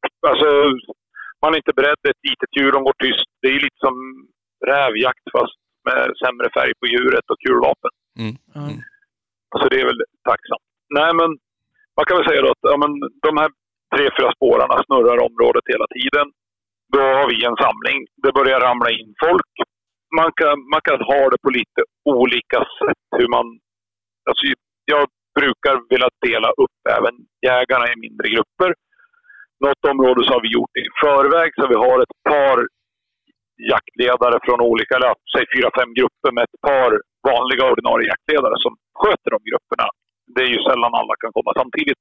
Mm. Och sen har jag ett nummer på dem också, 1, 2, 3, 4, 5. Och så är det, ja men eh, OV grupp 1, ni tar väg 111. Mm. Hur många har du? Ja, jag har åtta idag. Ja, men då behöver Nina i grupp 2 ta sina sju också till väg 111, för den är lång. Mm. Ja. Och så ställer, och då tar jag en koll på kartan lite, försöker få en blick över att ja, men den där är en och en halv kilometer. Ja, men 15 skyttar, då blir det 100 meters lucka. Det är stor sannolikhet att det går ut där. Så att, eh, var noga, håll 100 meter. Mm. 100 meter är väldigt olika långt för olika personer. Så är För en del är det 350 meter. Och framförallt när man frågar på vilket håll de sköt något. Jo, jo, jo, jo den är ännu roligare. Den är ännu roligare. Det var skitlångt. Ja. Jaha, hur långt är det på en skala? Ja. Ja, men som på älgbanan. Ja, 80 meter. Ja, precis. Ja, jo. Det, det, jag, gjorde, jag gjorde ett eftersök tidigare i höst. Det var inte på någon varg utan på tror en dovhjort. Eh, där skytten sa att ja, det, det var en, den var påskjuten från början, ska tilläggas. Och skytten Ja. sa att det är någon 300-400 meter. Det var, det var väldigt långt så jag är inte alls säker på att jag träffade. Och jag tittar på, på tracken och så får jag ju upp passen med WeHunt där och så får man ju upp den här tacksamma lilla, lilla avståndsmätaren om man trycker på tornet. Så trycker jag över på satellitkarta och konstaterar att om du har skjutit 300-400 meter, då har du i alla fall skjutit 150-200 meter genom vanlig fullvuxen skog. så med största sannolikhet så har du bara skjutit, eller inom citationstecken bara, men på 170-180 meter. Ja, ja. Ja. För det är ungefär så långt det går att skjuta innan det blir skog. Liksom. Så, och helt plötsligt har vi ökat sannolikheten till ytterligare en träff ganska mycket. Ja, jo, på 400 meter, då är det, Det är då, inte lätt. Då är det... Det, är- det är mycket som är väldigt litet på de avstånden. Det, Ja. det, det, det är liksom, ja. Jag tycker mycket är väldigt litet på 150 meter också. Ja, det är sant. Det är sant. Men, men jag tänkte det, ja, men då, har ni, då har ni fått ut de här på vägen. Vi har fått ut dem här på vägen. Vi har, vi har liksom, ja, men, gjort en fördelning. Det händer ju att det bara kommer 10-12 skyttar och då blir det lite bökare. Men oftast, om man nu ska flika lite där. Oftast så är det ju så att när det har gått ett tag så blir det färre skyttar. Den första veckan är det många som har ledigt. Och, och det är ju 2 januari som gäller så det är ju liksom ändå lite efter jul och sådär. Ja. Eh, Så det brukar vara mycket skyttar och sen minskar det ner efter det. Men när vi kommer in till vecka två och tre, när det har minskat ner, då har vi oftast haft några jakter redan. Fått ett litet grepp om var de vanliga passagerna är. För de är ju som älgar eller rådjur eller vad som helst. De går ju på samma ställen som de brukar. Mm. Då är det lite lättare liksom att kanske släppa vissa delar och vara noga med vissa delar. Mm. Kan man säga. Men vi har i alla fall fått ut de här skyttarna och vi eh, ja, funderat igenom vad vi, hur vi ska lösa det. Ja. Det kan ju hända också att i den här ringen, om vi nu ska innan vi släpper ut skyttarna, inse att fan, vi har fem vargar på de här 300 hektar. Mm. Och det verkar vara en rätt säker ring. Vi har, vi har gjort en andra spårning så vi är en bit fram på dagen. Så att de sannolikt har tagit daglägen. Nej, men vi sätter lapptyg runt den här istället. Och då blir det ännu viktigare att mäta hur mycket vi har gjort. Så vi vet hur mycket vi ska få ut. Mm. Jag vet inte om alla vet vad lapptyg är, men det står faktiskt med i jägarexamensboken, inte bara för varje. Ja. Men det är ju sådana här små vimplar på, på typ fiskelinor eller vad vi ska säga. Mm.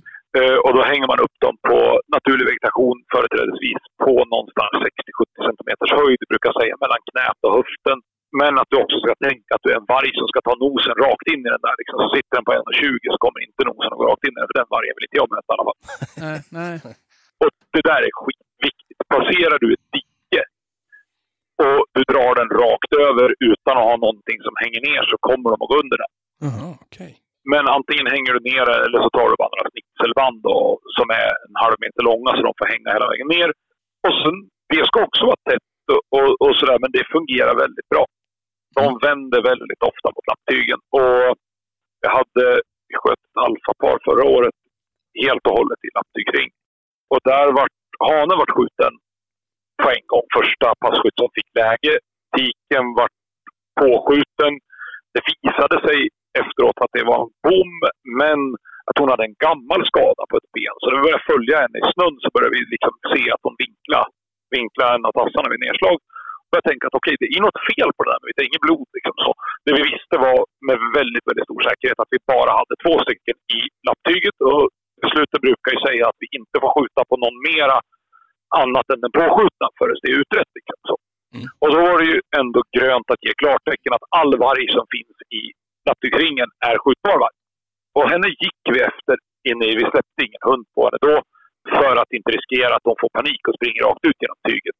Så att vi släppte ingen hund. Hon var fram på några stycken och vi gick efter, mötte henne inne. Jag mötte henne på 30 meter utan att se henne ens. Mhm. Alltså, eh, det är så enkelt som att jag följde ju spåret från skottplatsen och går i en cirkel och så kommer jag på mina egna spår och vargspår i dem. Så, och cirkeln var en diameter på 30-35 meter. Så jag har ju bara gått där med huvudet ner och kollat i spåren och kanske inte just då, det var väl lite av en plantering också, men kollat upp. va. Så, att, så att eh, det är inte helt säkert att de springer skitlångt ifrån det. Nej, nej. Hur som helst, och hon var fram och vände på några passkyttar och sen eh, efter ett tag så blev hon skjuten också. Men jag måste säga, jag, jag är imponerad av lapptyget, att det funkar ändå. Alltså att, man, att de vänder på, att de studsar mot den då. sen får man ju gärna preppa det. Alltså, eh, jag har inte varit med någon när vi har lyckats hålla dem inne flera dygn, men jag har hört talas om flera jakter där de har lyckats hålla dem inne flera dygn. Och varit väldigt effektivt. Bara fortsätt jaga helt enkelt dagen efter. Det som är är ju att du lär ju kolla tygen hela tiden. Spraya på någon deodorant eller förstärka lukten. Mm. Så, att, eh, så att det luktar någon form av obehag. Liksom. Så. Det är väl lite A och O för att få det att fungera. Vi var väldigt nära att lyckas lappa in våra fem stycken i fjol.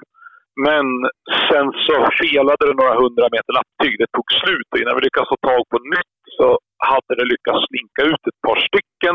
Tänkte att det går nog ändå. Satte upp tyget och höll ringen under natten. Alltså vi körde runt varannan timme och sprayade och grejer. Men framåt sen efter natten, morgonen, så de andra som hade kommit utanför hade, eller hade väl, jag vet vi spårade dem, de hade ju gått på utsidan av tyget med sina syskon på insidan. Och till slut då så höll det inte emot utan då gick de ut allihopa. Mhm. Mm. Okej. Men eh, har man alla inne så tror jag att det kan funka rätt bra. Men hur funkar det då när man, när man jagar med lapptyg? Är det att man alltid sätter hela ringen eller kan man ta en bit av det för man har ja, men ett område som är svåravpassat eller något sånt där så drar man lapptyget där? Jag har inte lyckats med när vi bara har tagit en bit av det.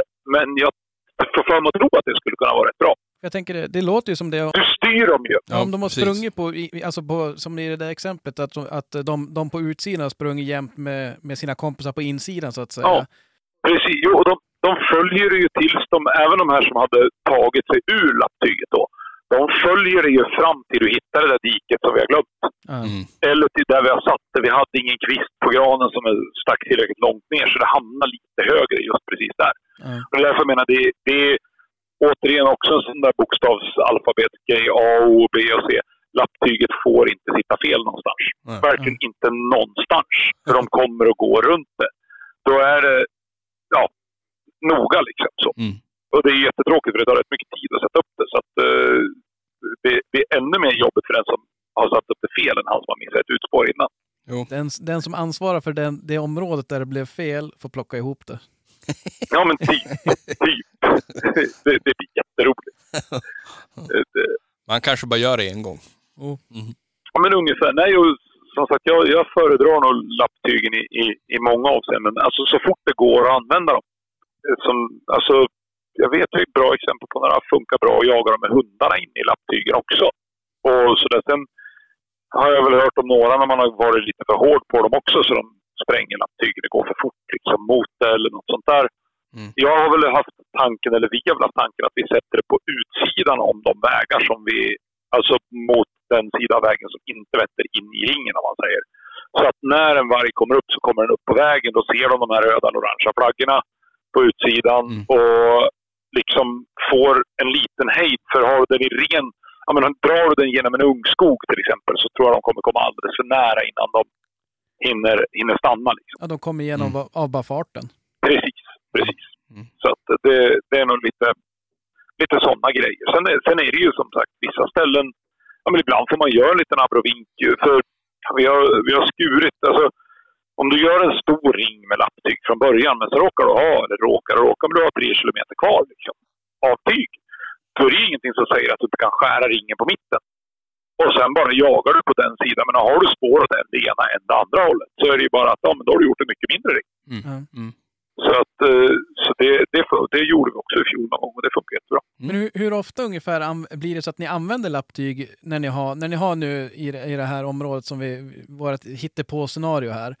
Eh, och det var, Ja. du satte ut dem efter en vägen där. Hur ofta är det att ni säger ja, men vi, börjar, vi kör lapptyg nu? Eller hur, hur, tänk, hur bedömer du det?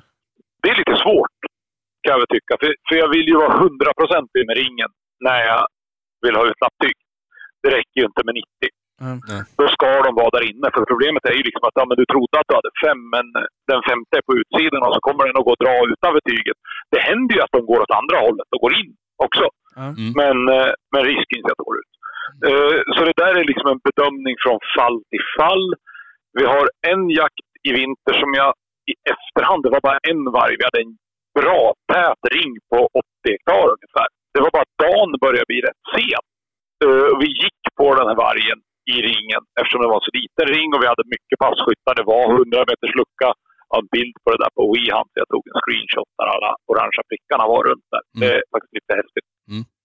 Men så här i efterhand så skulle vi ha skitit i och jagat den där en och en halv eller en, en och en halv timme som var kvar på dagen och lagt full fokus på att lägga lapptyg runt den där. Då hade vi skjutit den. Nu slutade det med att tiden tog slut på dagen och vi bröt jakten och när vi kommer dit på morgonen så har den gått ut igen. Mm. Ja, precis.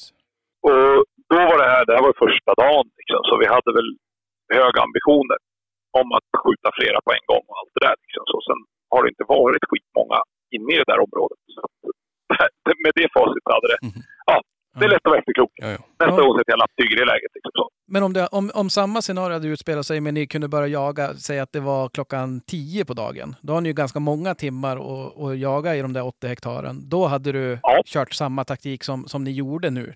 Ja, det hade jag gjort. För bara en varg, det är rätt mycket jobb för att lappa in en varg. Mm. Mm. Hade de varit tre i den där, då hade jag, även om klockan var tio på dagen, satt lapptyg på dem. Mm. För att risken är ändå att ponera att de kommer två eller tre efter varandra. Skytten hinner med en Ja. eh, eller två, men, men inte tre. Och, eller då det faktum att de faktiskt tar sig ur ringen helt utan att någon skjuter på dem. I det här fallet så hade jag 40-45 passkyttar, 50 kanske. Så rätt tätt med passkyttar. Områden var ganska mycket myrar och hyggen vid, vid passlinjerna också. Så ganska mycket öppen, ganska lätt terräng att vara passkytt i. Inte så många trånga passager. Mm. Så där, där kände jag väl mig rätt så trygg i att inte behöva ha lapptyg egentligen. Och så där. Hade det varit mer trängre passager, svårare att se och så där, så hade jag kunnat använda det. Och vi använde det någon sväng, men där hade vi missat ett utspår. Eh, då satte vi inte en hel ring, utan det var ett område med flera sjöar som mm, vi bedömde som att det har hänt flera gånger förut, att de haft dagläge uppe på ett berg mitt emellan sjöarna. Och det gick spår upp där. och vi hade bara som sagt missat, missat utspåret där. Men vi hann få ut, jag kommer inte ihåg, 5-6 kilometer tyg. Och då lappade vi de delar som inte var sjöar. Hade inte jättemycket, 15 passkyttar kanske. Det här området jagade vi förra året också, så där är folk lite vana. Så, att, eh, så det var väldigt många som var behjälpliga med lapptygen. Så jag tror vi hade ute de här 6 kilometerna på 45 minuter ungefär. Oj, ja, det. Så det var ju, det var ju tacksamt. Och sen ut med skyttarna på sjöarna istället. Ja. Det var bara tråkigt att det inte var någon varg kvar. Ja, ja. Och jag tänker bara för, för tydligheten nu, om, om, om ni sätter lapptyg, vart står skytten? På insidan. På insidan och, och just att ha tyget i ryggen eller står man en bit in eller hur? Ja, nej, inte en bit in. Utan du ska ha tyget i ryggen, absolut. Men absolut inte längre från tyget att du kan se vargen om den kommer bakom ryggen på dig, om inte annat. Ja. Mm, ja precis. Men är de inte så hårt tryckta så vänder de en bit före tygen. Men som den här påskjuta tiken, när vi börjar få lite, som ändå inte var påskjuten, som det visade sig sen, och det visste vi inte då. Hon var fram och vände med nosen mot tyget. Alltså jag hade trampavtryck precis nedanför linan. Mm. Så den var ju väldigt nära att vända. Men, men eh, som jag sa, det var vid det tillfället som vi skar. Vi gjorde en skärning rakt igenom med lapptyg. Liksom. Så, så det var ju några stycken som, ja, som hade varit med och spårat gjort den här ring, utsideringen under tiden la lapptyg och så vidare. De, eh, ja, det varit en liten miss i kommunikationen så de hamnade i den andra ringen, det vill säga utanför tyget på den första ringen. Det, det var Mm. lite tråkigt. Mm. De kunde sitta och höra allting på radion. För att den dagen ja, vargarna var framme så att de skymtade passkyttar rätt många gånger innan de gick ut så de kunde bli skjutna. Det var mycket obsar. Mm. Mm. Så det var nog rätt, rätt spännande jakt i alla fall. Ja. Förutom om man satt utanför ringen. Då. Ja, Det var ett spännande, Lite, mindre det var ett spännande. ett spännande referat. Ja, ja. Ja, det... Men, Nå- någon ska dra ett sämre pass jämt, så är det ja, bara. så, så Ja men precis, precis. Ja. En av dem sköt faktiskt en av årets vargar så att vi får väl säga att han är kompenserad. Ja, ja. Ja, ja. Skam, skam den som ger sig. Mm. Ja, precis. Precis. Okej, men nu, nu ska vi se här. Nu har vi alltså eh, placerat ut passkyttar och satt upp, eventuellt satt upp lapptyg beroende på hur, hur många vargar som är där inne och eh, möjligheterna, ja men beroende på om, Ja, men- eh, omgivningen. Eller hur ska man säga? Med aktuella förutsättningar skulle jag säga. Ja. Rätt och slätt. För att det är ju lite rutinen. Jag menar, hur många har jag med mig som kan dra tyg och få ut dem på ett bra sätt? Och det är så olika från område till område. På en del ställen är man helt ointresserad av det. Och ibland går det bra ändå. Liksom.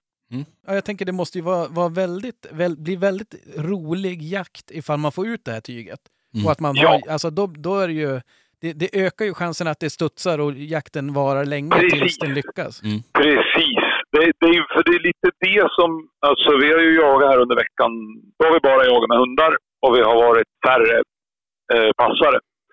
Och, och vi har haft drev på varg, även om de har varit få. Vi har hittat dem i ytterkanten av jaktområdet, vilket har ju ökat till det ganska mycket. Mm. Det har ju varit bra drev på dem, men dels då så har de lyckats passera utan att bli skjutna och då också gått ut i jaktområdet. Mm.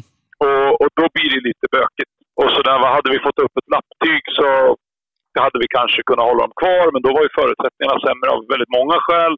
Sex, sju man på samlingen, då blir det svårt att dra lapptyg på 1500 hektar. Ja, Ja, så är det. Så är det. Eh, och i, nu har vi ganska, jag har inte riktigt koll på just nu hur mycket tillgång till lapptyg vi har, men alltså vi har flera mil i alla fall. Mm. Så att eh, det, det, det finns, eh, finns att dra. Ja. Men, men någonstans når vi ju taket för hur stort vi kan lappa in och vad som är rimligt också. Mm. Jo, precis. Ja, jo, det är klart. Och sådär. Men eh, nej, men om det nog spola fram lite till att vi ska börja jaga då. Vi har skyttarna ute. Mm. Av två anledningar så vill jag att det ska gå fort. Dels för att inte vargarna ska slinka ut ur området och dels för att vi jagar i januari då oftast är kallt som fasen. Mm. Eh, Även om eh, jag har en bra kompis som är med mig rätt mycket på de här jakterna som tycker att ja, men det är fan vi som gör allt jobbet. De kan gott stå där och frysa någon timme. eh, för de gör ändå ingenting. Så kan jag tycka att ja, fast när vi har gjort allt det här jobbet så vill jag ha passkyttar som är på topp. Liksom, och då har de inte stått i 10 minusgrader en timme Mm. innan det händer någonting. Eller två eller tre. Man blir nog lite sämre skytt av det. Jo. Jag är helt övertygad om att om inte annat får man sämre uppmärksamhet. Ja. Eh, speciellt när man står där och hoppar och huttrar och bara vill gå därifrån. Ja. Värmeväst får ju tipsa om. Ja, oh, det är värmeväst. Jag har värmeväst, jag har värmeunderställ, värmestrumpor. Jag tar mig fan behöver ju ett elverk för att hålla igång mig själv. Ja. Men jag fryser när jag, när jag ser lägre än fyra. När bilen tar upp den orangea grejen när det är lägre än fyra plusgrader, då brukar jag tycka att det är en bra idé att slå igång värmen. Ja, ja nej, men det, är, Det är bra. det är klokt. Ja. Men nej, men, nej, men det, det, det, det är lite sådär. Nej, så det brukar jag tycka. Så det är ganska skönt när man har hyggligt säkra förutsättningar innan man ställer ut. Sen kan man ju liksom aldrig sia om allting på något sätt. Det kan ju som sagt, den kan ju ha gått över i nästa område. Även fast, alltså mitt under utställningen och mellan de här bilarna som snurrar och kollar Ja, ut på så händer det ju att de går ut liksom så. Och då tar det längre tid. Mm. Men förhoppningsvis kan man åstadkomma det där lite bra då. Nej, så av de två anledningarna så vill jag i alla fall att den biten ska gå fort. Sen råder det väl olika skolor i vad man tycker funkar bäst att göra härnäst. Vi har det där inspåret. Det har ju vi ingen koll på när det har kommit dit. Ja, vi vet när det slutade snöa liksom så. Eller vi vet när vi spårade den där vägen förra gången. Mm. Det är det tidsspannet vi har. Liksom, alltså okej, det här spåret kan vara sju timmar gammalt. Ska vi släppa en hund på inspåret? Det händer att vi tar någon som plockar upp det. Liksom så. Men enklast eller enklast säkrast när ingen ändå är ute är att sätta någon och börja gå på det. Ibland så låter jag någon börja gå lite tidigare. Om vi vet att, att eller med stor sannolikhet det är lite, lite snöflingor i spåret och vi vet att det snöar klockan tio på kvällen innan. Liksom så. Ja, men då vet vi att det redan på morgonen är 6-8 timmar gammalt. Mm. Då kan jag ju också göra bedömningen att det rent av är bättre innan vi ställer ut eller, eller så att någon börjar gå på spåret. Ja, Mm. Helt enkelt för att det kan vara långt spår innan det händer någonting. Precis.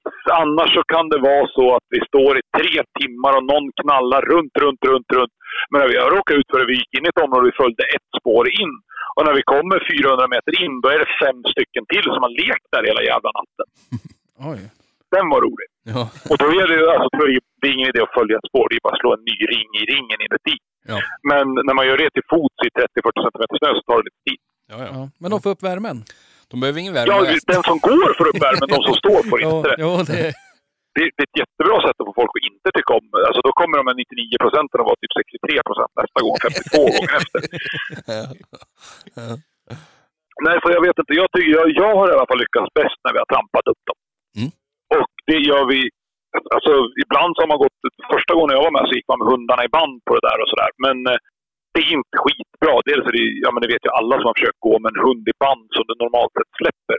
Det är inte jätteroligt. Nej.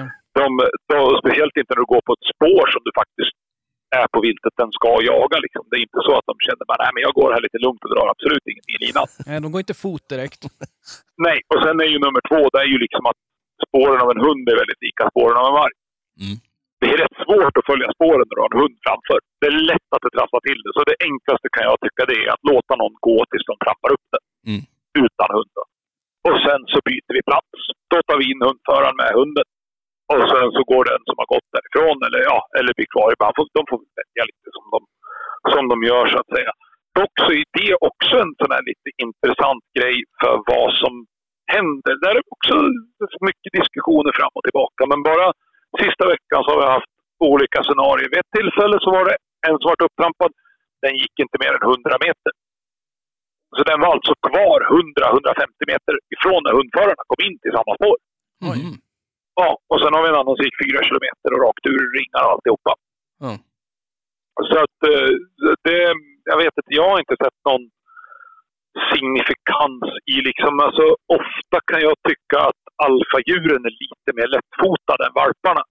Lite min uppfattning, men jag kan säkert bli motbevisad av någon annan. Men eh, ofta skjuts alfadjuren rätt tidigt under jakten. Jag får för mig att det har att göra med att det är de som går upp och går undan först. Jaha, jag trodde att de skulle vara tryggare på något sätt. Att de går 100 meter och ah, det här är ingen fara, jag ligger och trycker här. Jo, men li, li, lite så kan man ju tänka också, men teorin motbevisas av att det inte bara är här som, där jag har Mm. varit som. Nej. Ja, alla jakter jag har varit med på så har alfadjuren skjutit först. Eh, inte Ve- Vena bäcken i år, men där var jag inte med från början. Men eh, där sköts det valpar ifrån först och sen så sköts bara ett av alfadjuren. Jaha.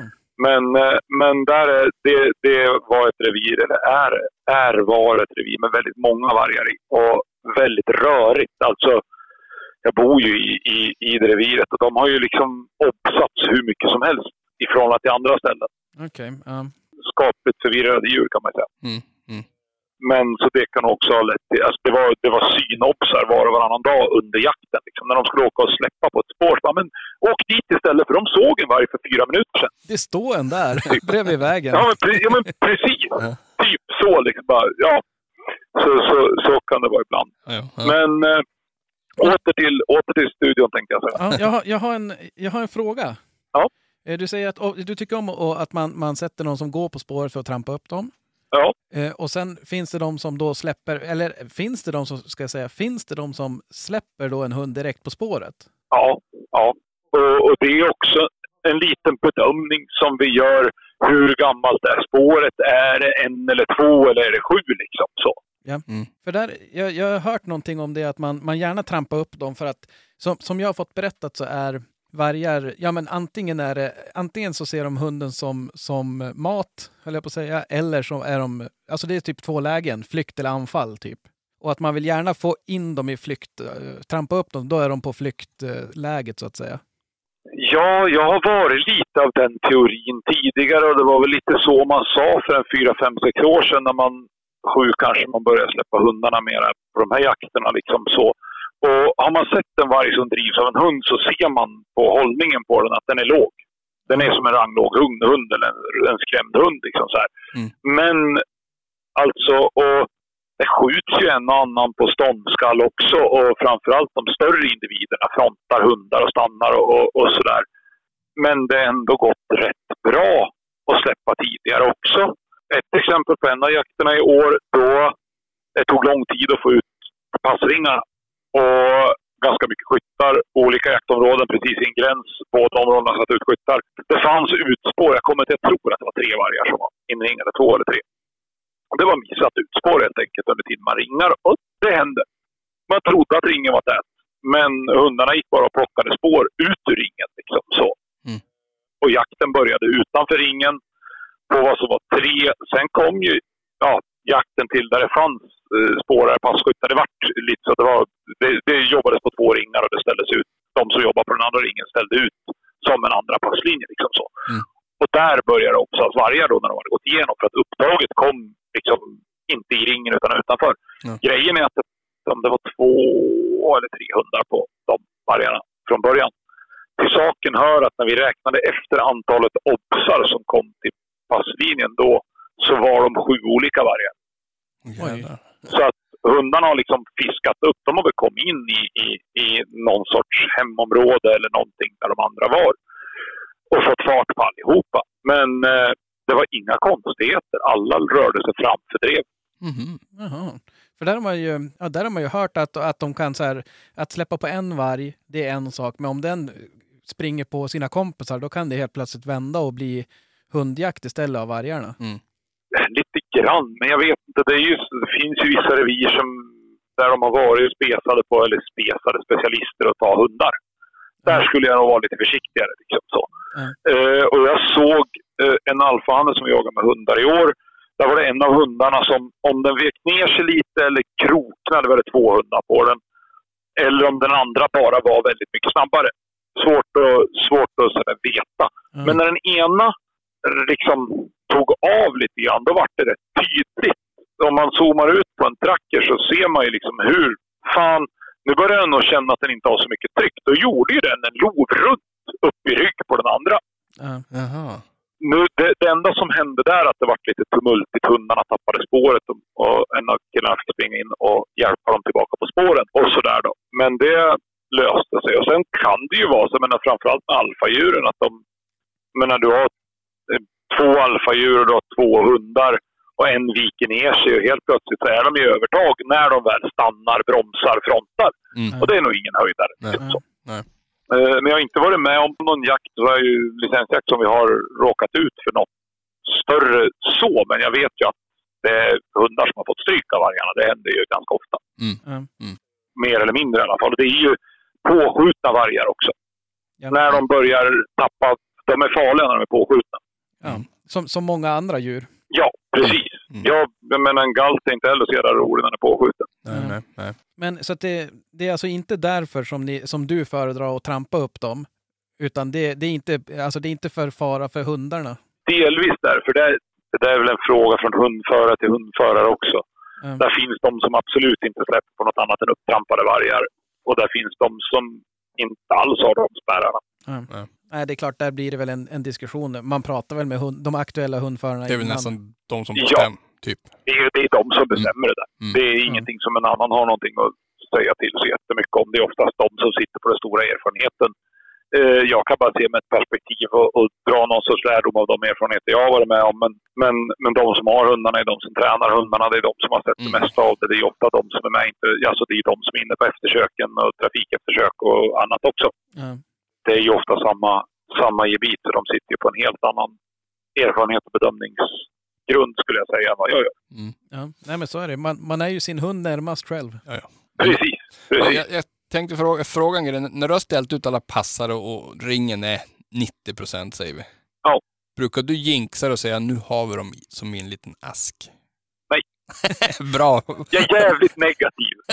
det här kommer gå åt helvete. Varför, varför tror du jag alltid jobbar med två ringar för? ja, precis. Ja, jag, jag hade en jaktledare en gång i tiden som var farlig på jinxa. jo, jo, nej, det, det var jag som brukade säga så när vi jagade förut. Att nu, när, när jag kände att det här kommer gå bra, då sa jag att då har vi det som en liten ask. Men det funkar aldrig. Så brukar det gå åt helvete. Jag har aldrig skjutit en älg när det har hänt. När du har sagt nej, det. nej, Så att det, så det. Men du vet ju det här Nej, att dra nej, ut på precis. jakten. Det, nej, så det, det, det, nej, jag, som sagt, jag tror inte på sånt. Det är, Nej. bättre, det, är bättre, att- det är bättre att vara pessimist in i det sista. Ja. Jo, det är sant. Det är sant. Ja, Då, så då, då blir man oftast överraskad. Eller ofta ska man säga, men då kan man i alla fall bli positivt överraskad. Ja, Precis. precis. Men, men jag tänkte, när, när, när vi nu, vare sig man har trampat upp dem, man man har gått i spåret och bara, ja, men här, nu har vi trampat upp dem och så byter man plats med en hundförare eller Ja. någonting. Eller man har släppt direkt. Men när hunden får upp vargen, Ja. Vad, vad, hän- vad händer då? Jag förstår att det är kanske olika från gång till gång, men oftast. Det är lite olika. Det, en del gånger så buktar de ju jättetrångt. En del gånger så går de ju rakt fram eller går stort. Det är ju det som är lite bökigt liksom. Så har du gott om passkyttar så spelar det inte skitstor roll. Då brukar de skjutas ändå liksom. Men har du lite färre med passkyttar, de passerar igenom linjen. Jag, jag har varit med på lite olika. Jag har varit med när de har liksom buktat på, alltså när vi pratar buktas på stort så kanske vi pratar 15, 20, 25 000 hektar. Mm. Ja. In, inte 5 000. Nej. Nej. Utan det, det är ju, alltså, men man ska ju veta, de håller ju rätt bra fart. Det är ju en 10, 12, 15 kilometer i timmen liksom så. Mm. Eh, mest hela tiden beror det mest på snön. Och på hur mycket hundarna tål i tassar och, och sånt. Ja. Och hundarna, de, de driver då i det tempot misstänker jag. Det handlar ju oftast om hur hårt hundarna kan gå på. Mm. Mm. vet inte, jag är alltför oerfaren av olika hundar för att säga någonting om bukterna blir större eller mindre om man får mer eller mindre tryck på dem. Men eh, det är ju lite olika från gång till gång. Liksom, ibland går de väldigt stort och går de mest så rakt fram, ja, men då är det ju lätt att man tappar vargen och inte, ja, inte kan göra så mycket. Det är väl där det här med lapptygen kan komma in också, på Mm. strategiska ställen så att säga. Mm. Sen är det lite olika. Och sen är det också, om man nu ska preppa någonting för en vargjakt, så absolut så kanske de går lite andra trader när de blir jagade av en hund än vad de gör till vardags. Men håll koll på de passager som de i stort sett alltid går. Håll koll på bäckar och diken som de gärna följer periodvis. Och så där, de exponerar sig ju gärna inte jättemycket, även om jag har blivit lite motbevisad, eller flera av oss som har gjort det här förut de sista åren eftersom de har blivit skjutna ute på öppna hyggen och lite sådana grejer. Mm. Men eh, ändå, just de givna passagerna är bra ställen att vara uppmärksam på. Det är ju rätt ofta de är en stund före hundarna också, men det är lite olika. Mm. Ibland är hundarna bara tio sekunder bakom, ibland är de ju långt bakom. Hur, hur hette inspåret? Jag satt och tänkte på det jag går. Det, är hett. jag, jag, allt, det ska alltid stå någon på inspåret. Ja. Ja. Det, det är ofta de kommer tillbaka. Ja, men det känner man ju igen från, från andra djur också, höll jag på att säga. Mm. En dublé skjuten i, på en av jakterna i år och där kom de ju i stort sett på samma spår.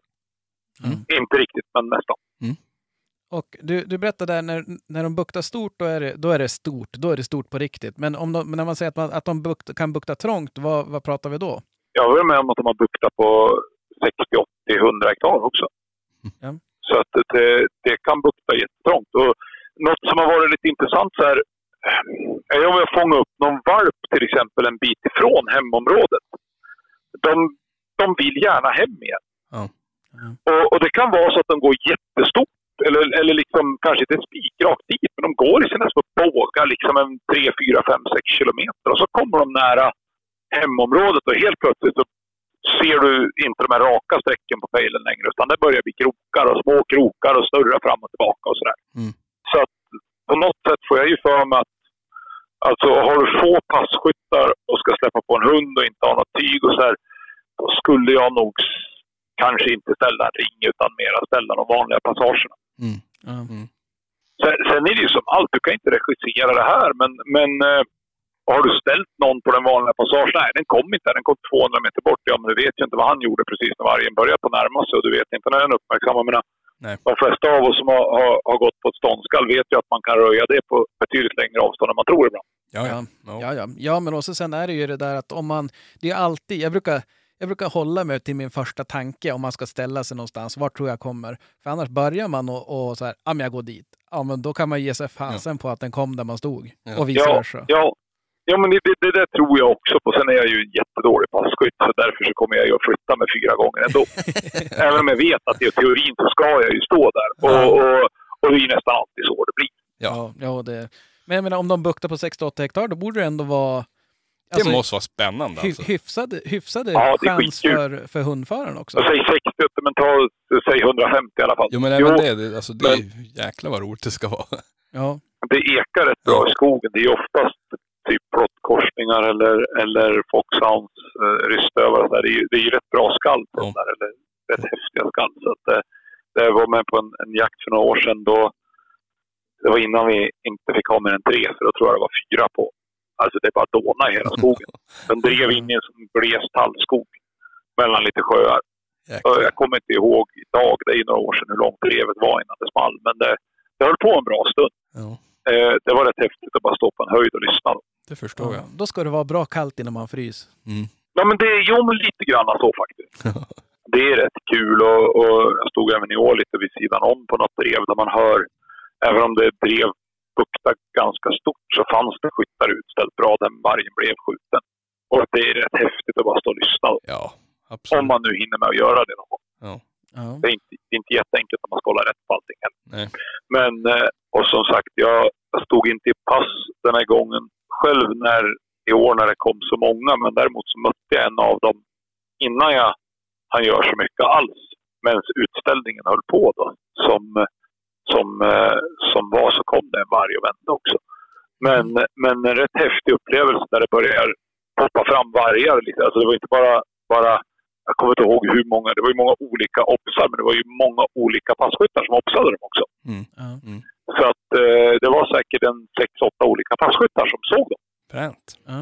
Det måste också vara rätt. Och då, då gick drevet, drevet var någon 600-700 meter bakom första vågen av vargar som poppade upp. Men du måste, ju känna, du måste känna dig ganska nöjd själv också, för jag menar, du har ju lyckats ganska bra med utsättningen då också. Där, eh, där ska jag inte säga att jag hade så mycket, så mycket del i. Det var en annan jaktledare på den jakten och, och en jäkligt bra och effektiv utställning. Ja. Men, eh, men det var, nej, det var häftigt. Det, det, det var lite kul att se att det, att det liksom, ja men där funkade det bra. Liksom, Mm. så.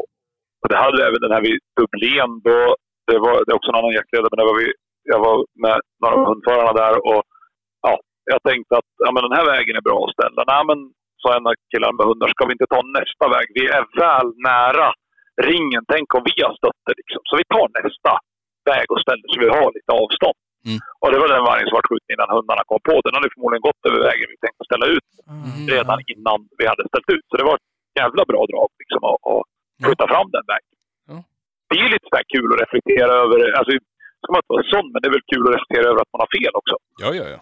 Och liksom att, nej men vi, vi ställer stort, för det är i det här fallet bättre. Liksom, så. Ja. Och det är som sagt, det, det är från gång till gång. Ja. Jo, jo. Och det, det lär man sig av också ju.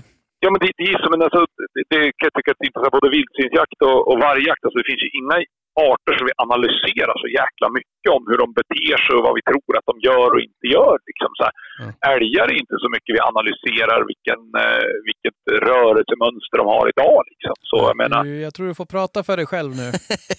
Ja, Jag ja, ja. analyserar dem till förbannelse. Men, men jag fattar vad du menar. de jagar för lite springälg i varje område. Det, är det. Jo, Det, jo. det, är- det, är liksom, det var någon som frågade mig idag vad man skulle ha för, för pejlingssystem. Nu var inte det han inte om någon älghund förvisso, men, men jag tänkte att ska man jaga i närheten av vargarna så kan man glömma Garmin-pejlar i alla fall. För det, du, hinner bara, du får ett rakt streck och ett frågetecken. Ja. Jo, jo det, det är väl lite grann erfarenheten här uppe också. ja. Ja, precis. Jag tänkte det nu, när vi, vi har släppt den här hunden och det drev. Och så sen då, gud förbjuder, men det går ju mellan två passar. De ser den men de hann inte skjuta och så hänger ju hundarna på då. Va, va, vad gör man då? Ja, Och ni har inget an, ingen andra ring i, i, som, som är bra till så att säga, utan ja, men det har gått utanför ringen. Vad händer då? ja. Då har vi ju lite av ett böke i hur vi hanterar det. Liksom. Så. Ska vi ställa om så bryter vi jakt och ställer om. Men det där är lite från situation till situation också. Har du då börjat bukta tre kilometer därifrån, liksom, så rent juridiskt så får jag inte ställa om på den. Nej. Eh, för då genskjuter jag. Mm. Så, att, eh, så det, där, det där är lite ett dilemma Mm. Kan man ju säga. Mm. Och lite grann är det ganska tacksamt att ha några passare. Ja, men de här som kom, ofta spårarna tyvärr, men de kom ju sist. Eh, och ha lite strategiskt utställda lite längre ut så de kan flytta sig och så vidare. För annars är det bara att försöka få till att koppla och sen ringa om och börja från början och då är dagen slut. Ja, precis. Mm. Det händer inte att de, att de buktar och kommer på passarlinjen igen Jo, fast i ryggen? Det, det händer. Det Mm. händer. Ja. Men allt som oftast så är dagarna ganska korta i januari och eh, det är väldigt sällan vi lyckas ha en bra ring med en utställning klockan 10. Ja. Även om vi, och många dagar när vi har uppslag eller bra snö tidigt på jakten så samlar vi passkyttarna tidigare. Mm. De står och eldar från klockan åtta. Liksom. Så då kan det lyckas rätt bra att köra två och så vidare. ja, precis. Och jag var med, vi jagade Kölsta tror jag det var. Kommer inte ihåg hur många gånger vi räknade att vargarna passerade ringen utan att bli skjutna. Ja. 29-30 gånger. Jösses. Det var lite frustrerande. Ja, det förstår jag. Det är smarta djur. Det är smarta djur. Ja. Då hade vi mycket passkyttar. Alltså vi hade svårt när man har så många. Alltså att få alla att förstå. Det, det, det, det låter som någon sorts klyscha, men att få alla att förstå vart det faktiskt är vi jagar. Mm. Du blir ju utställd efter en väg i skogen. Liksom så, men det är ingen som har talat om för dig från vilket håll drevet kommer komma. Nej. Alltså, och det, det är rätt vanligt att piporna pekar åt fel håll. Ja, det kan jag tänka mig. till exempel. Och vi hade någon där som, som vid ett tillfälle hade missat allt det där och vargarna passerade 14 meter bakom ryggsäcken vi mätte. Oj, ja. Den måste vara lite jobbig. Lite surt. Han var med någon gång när linsskytten satt kvar nedfällda också. Mm. Och sådär. Men sådana såna klyschor var vanligare för fem år sedan än vad de är idag. Ja. Nu, nu upplever jag passarna som väldigt alerta. ja. Det är inte alls lika många som passerar en passlinje idag som det gjorde för några år sedan. Eh, Och kanske inte osedda då, att, men, men att de ändå säger ja, men jag, kände, jag hann inte eller jag fick inget skottläge som jag kände med. Men vi brukar, om vi inte har lapptyg, då brukar jag låta ringa hela tiden. Ja. Alltså en par, tre stycken som fortsätter ringa och spårar hela tiden. Mm. För att liksom försöka uppmärksamma utspår. Om vi Mm. måste ta något omtag och sådär. Liksom. Så. Ja. Ja. ja, precis. Sen är det ju många gånger så att passkyttarna gör att det buktar också. Det kastar för passkyttar Ja. och då börjar det snurra lite grann. det mänskliga lapptyget. Ja, precis. Precis. De får ta extra mycket deo på sig när de ska... Det är nog- en skitbra idé. Kanske inte för just dig själv, men, men för alla andra. Liksom. Ja, ja det men, men jag tänkte det med... eh, Hur ser det ut? Är det många av passkyttarna som... eh, Jag tänkte just det här med... Det är en het fråga i, i våran lilla podd, om man delar med sig av hunden. Ja, För det, det minskar ju risken, alltså jag tänker i till exempel trackerapp eller vad man ju använder, så att man Ja. kan se hunden. För det, om man står med pipan åt fel håll och man följer hunden, då får man nästan skylla sig själv att man... det är nog en av anledningarna till att det har, har blivit bättre. Mm. Vi har... Sen förra året då ställde jag krav på att alla jaktdeltagare ska ha WeHunt och de ska publicera sin position när de jagar. Det är en säkerhetsaspekt. Mm. I och med att vi använder vägpass, jag har ingen... Jag menar oftast som sagt, vi har grupper som ställer ut. Jag bara säger den vägen, den vägen, den vägen. Sen finns det lite olika sätt för själva den utställningen, men ett sätt som man använde här i Venaväcken i år, det var ju bara att den som körde längst fram hade en komradio och sa kliv av. Och så körde de vidare, kliv av och så kör de vidare. Mm. Då går det väldigt fort istället för att han ska ut och peka. Liksom så. Att, eh, utan det måste verkligen vara upp till en var passkytt att förse sig med sitt kulfång och Mm. sitt pass. För Mm. det finns inga märkta pass på de här jakterna. Nej. Det finns inga hundförare som frivilligt kommer att ha en orange mössa när vi jagar ett djur som har färgseende. Och så då liksom så, samma sak. Det blir en rekommendation i jaktpremierna vi har haft att man absolut inte bär signalfärg. Mm. Det står också väldigt, väldigt tydligt att tänk på att ingen bär signalfärg. Mm. Och, och därför så är det rätt tacksamt att ha, ha de här orangea prickarna igång. Och eh, jag brukar rekommendera att använda premium så att du ser hundarna i appen, i WeHunt-appen, eller, eller nu då när du kan ta koden in på trackerappen. Det är jättetacksamt. Då får du ju skallindikatorn på köpet. Liksom. Ja. Ja, jo, precis. Så att, eh, nej, så, så är det. Och hundarna ska finnas med när vi jagar. Ja. Och sen, jag förstår det här, det är en känslig fråga och det är fram och tillbaka och folk står bara och tittar på appen och, och, och, och inte i skogen och, och det där. Liksom så. Men, men vi har gjort så. i alla fall. Ja, nej men och det, där tänker jag ju att det är ju en sak att veta, ja men det är den här sidan, det är där hunden är. Sen, sen så misstänker jag att man får väl förstå det också som, som passkytt, att eh, djuret som man jagar kan ju ligga ganska långt framför. Precis. Det kan ju göra det. Det är ju olika raser och hundarna som används till vargar eftersom vi bara har jakten i bästa fall några veckor på ett år. I sämsta fall, eller vad man nu ska säga, på det sämsta bästa fall bara en vecka. Mm. Så är det klart att de här hundarna inte bara jagar vargar. Nej. Det jagas ju rävar och det är björnar och det är lodjur och det är lite olika vilka som är bra på vad. Liksom så. Ja. Och får ju, upplever jag, lite olika jaktsätt på, på, på vargarna och lite olika hårt tryck på dem. Mm. Mm. Och sen är ju som sagt alla förhållanden runt omkring också påverkade. Så. Jag tänkte höra, har ni någon form av, av eh, överenskommelse med hundförare? Om det skulle hända hund någonting, man blir skadad, det blir höga veterinärkostnader. Är det någonting som ni går in och stöttar med? Vi har inte pratat om det. Nej. Inte på de här jakterna. Det där, där vi jagar mycket vildsvin annars också. Mm. Och där diskuteras det. Där är det olika upplägg om det är någon som hjälper till med självrisker eller, Mm. eller, eller sådana grejer och, och, och så. Då. Mm. Eh, vissa, vissa jakter har vi även veterinär med på jakten. Ja, Ja. precis. och sådär. Men just, just på de här jakterna som vi inte pratat om. Men jag, skulle spontant säga att, att sannolikt så får du hjälp om någonting händer. Hunden vi jagar ju, det är ju rena skötselområden eller liknande. Så det är ju inte bara ett vanligt jaktlag med tio man. Nej. Utan det finns ju hundra anmälda deltagare. Skulle det sägas men vi behöver skramla hundra spänn till Mm. hundföraren så han kan lösa självrisken så gissar jag att det är ett ganska högt procentuellt deltagarantal vid den insamlingen. Ja, precis.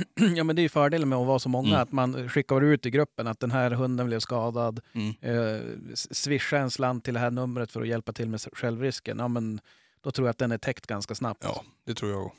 Ja, Mm. ja. Det är bra. Men det är intressant det där med, med orange-röd mössa eller alltså varsel, varselmössa eller så. Jag hade ingen aning om att man inte skulle ha det när man jagar, jagar varg. Nej, men det är väl lite samma med rävar, har ju samma färgseende. Ja. Jaha, ja där ser man. Det, jag jagar ju bara älg. lodjur också egentligen, även om lodjuret har lite sämre färgseende eftersom det är en katt. Så de har ju bra mörkerseende och det gör ju att det blir lite blurrigare Mm. annars. Men Ja, men det är klart, då, med, med den bakgrunden så förstår jag ju verkligen just det här kravet på att ha WeHunt eller någonting för, för säkerhetstänket. Alltså det, ja, men jag, tycker att det är tacksamt. Sen finns det andra, andra aspekter. Och liksom, det händer ju att det finns lägen då man bedömer att jag kan flytta en passlinje. Liksom så. Mm. Alltså ett drev går ut ur området och jag tänker att ja, vi behöver kanske passa lite bredare om det här kommer tillbaka. Det är liksom, ja men det går västerut och jag vill ha passlinjen norrut. Mm. Då eh, bryter jag jakten för dem och sen passar vi om den linjen. Liksom så. Mm. Och, och sen vet jag inte riktigt, alltså det, det har skapat en del förvirring när det händer. Vilket gör att WeHunt är väldigt bra. ja. För att då händer det att, att eh, de hamnar lite fel. Mm. Och det händer att en del passar. Det, det kommer någon sent till någon samling och jag skickar ut den sent också. Då kan det också vara så att den hamnar lite fel och lite tokigt. Mm. Och det är ju tacksamt om man har appen. Exakt, precis. Sen kommer vi ju till den fantastiska täckningen överallt också. Så det är ju... Ibland blir det luckor i appen bara för att den inte har täckning. Mm. Mm. Så det, det händer ju absolut. Och, och sen också då innan vi går på och kontrollerar den där 100 meters luckan är ganska tacksamt när det är en massa orangea fläckar överallt. Ja. Och helt plötsligt, ja men där har jag ett svart område liksom. Så vad har hänt där? Och så kollar jag med den utställaren. Jag kollar med Ove i grupp 1 och så att du, eh, där och där och där, hur ser det ut där liksom? Står det skyttar eller är det dålig täckning? Ja men det står skyttar, det, eller ja, inte antingen eller. men- Ja men det står skyttar där, det är bara att det är dålig täckning. Liksom. Så. Ja. Ja. Sen hade jag, hade jag någon sväng i år när vi släppte på hundar. Jag stod och pratade med hundföraren och släppte. Och alltså bara fan, det kommer gå nedanför den där passaren som sitter där. Men så här, jag har sagt till dem att det ska ut passare ända ner på hyggena där. Så att det är nog bara att det är dålig täckning. Mm. Det var inte dålig täckning, det var en missuppfattning. Jaha. Det var lite synd. Ja, ja. Det är sällan man hoppas på dålig täckning. Men det var ett, ett av tillfällena. Det var ett av tillfällena. Och sen pratade jag med passarna som hade hamnat lite för långt upp från hygget. De var lätt missnöjda för de hade förstått vad jag menade men inte den som ställde ut dem den gången. Eh, vilket bara var lite kommunikativ miss. Mm. Eh, men eh, men eh, tråkig kommunikativ miss för dem. Ja, Ja. man ska ha stått där. Ja. Ja, ja. Och sen är det lite olika hur många man jagar och hur stort man jagar. Men vissa, vissa passare hade du kunnat sagt att ja, men ser du att drevet går längre ner, försök hinn med då. Ja. Och, och flytta det med. Liksom, så. Men sen finns det de som du absolut inte kan göra så. Nej. nej. Och framförallt inte om det är 50 passare. Det kanske menar du är 8 passare. nej, precis. Ja, men och, och det där upplever man ju själv också att, att rörliga pass, det, det, är, det kräver kommunikation, att man vet av vem som är vem, höll jag på att säga, och hur de brukar Ja. vara. Typ. Ja, Mm. och då är det ju också bra att du har de där prickarna igång. Ja, Ja. Det, det är faktiskt nej, det, det är grymt bra. Jag menar, vi vet ju alla vart det där generalpasset är och, och springer två dit samtidigt så kan det bli farligt. Ja. Oh ja. Ja, ja. Mm. ja det, men det, och även om det blir något, när man jagar annat så ibland kan det bli ståndskall. Ibland så springer de ju inte Ja. bara och då är det ju bra att veta vad som finns bakom det där och så vidare. Ja. Ja, men precis. Precis. Men eh, jag tänkte nu, nu har vi fått en, eller jag har i alla fall fått en ganska bra bild hur det, hur det eh, kan gå till kanske vi ska säga. För jag misstänker att det finns väl, lik, kanske inte lika många upplägg, men, men variationer på upplägg. Men hur, hur ni brukar göra där du jagar. Ja, men alltså, det, det är ju bara de här gångerna jag har varit med om och det är ju bara några stycken egentligen. Mm. Alltså, det är ju, jag har ju varit med om färre vargjakter än vad jag är älgjakter under en normal säsong. Mm. Mm. Och, och sen då som sagt, ibland går de ju över på en gång. här där jag bor så sköts ju alla. Ja, det var en hundförare som sköt ihjäl den sista som var påskjuten. Annars så sköt de i passlinjerna hela tiden. För de hann aldrig igenom. Nej. Nej. Och det är ju ett, ett jättebra resultat. Ja. Och på väldigt kort tid. Ja. Det, måste, det är det som är, det, det är så få, jämför man med till exempel älgjakt eller ja, men någon annan jakt så är det så få tillfällen man ska passa på att lära sig så mycket också. Mm. Rutinen byggs ju upp över tid såklart. Mm. Men, men eh, Precis. Precis. det måste vara en av utmaningarna med, med just att jaga varg, att man har relativt få tillfällen på sig att försöka lära sig och få den här rutinen. Ja, men visst är det det. Och, det, och, och som sagt, alltså, det går fort emellanåt. Det är stressigt. Du hinner inte riktigt reflektera. Ja. Det är ju först efteråt som man hinner, hinner kanske göra någon sorts analys eller, eller lekmannaanalys av vad var det som hände där egentligen. Mm. Så. Ja. Och som sagt, alltså, det är ju det är så många olika scenarion i, i, i olika delar. Liksom, men du jagar ett stort område och som sagt häromdagen så trampade vi upp vargen. Men så tog det lite tid att få dit hundar för det var väldigt mycket snö. Så inte att ta sig dit annat än till fots. Mm. Det tog väl en, en och en halv timme från upptrampen. Liksom så. Och då går ju hundarna, alltså det slutar med att hundarna vart ju släppta på en upptrampad varg men de var en och en halv timme sena och det är 40-50 centimeter snö. Mm. De har inte så stor chans att komma ikapp den här. Mm. Utan de går ju på löpan och vi såg att det gick ut ur ringen. Jag såg att de inte, alltså de, det kommer skall på, på skallindikatorn men de jagar inte. Ja men då får vi ställa om den här passlinjen. Liksom så. Mm. Eller då gick vi egentligen från att ha passlinjer till att vi ställde ut väldigt, väldigt brett på kända över, övergångar. Så att säga. Nu gick inte det heller. De valde att ta de okända övergångarna. Eller den Ja, typiskt. men, eh, men, eh, nej, men så det, det är så många olika scenarion som man stöter på med tanke på att det är så pass nytt. Det är läraktiga djur. Jag, bara som i år att vara med på ett par olika revir samtidigt gör att de beter sig så väldigt olika. Ja. Mm. Det är liksom, eh, det ena reviret har jättemycket exponering, hyggligt lätt terräng att jaga i. Det andra har väldigt lite exponering och, och betydligt svårare terräng att jaga i. Mm. Och ändå går det bra ibland och dåligt ibland. Mm. Så att, och sen har vi väl haft en del tur emellanåt också. Men det, det ska Det man ha. ska Vad- man nog ha ibland. Vad var det, vad var det Ingemar Stenmark sa? Ju mer han tränade, desto Ja. mer tur hade han. Ja, ja. Det är Det var precis. märkligt hur det där verkar hänga ihop. Ja. Men, men jag tänkte det, om vi ska försöka eh, sammanfatta det här. Det är ju, vad, vad skulle du säga, vad är tjusningen? Varför är det så... Eller när du berättar så får jag känslan av att du tycker att det är väldigt roligt att jaga varg. Vad är det som är tjusningen med att jaga varg? Jag tycker det är intressant att jaga dem. Liksom, alltså för att det är något nytt och det är något svårt. Mm. Ja.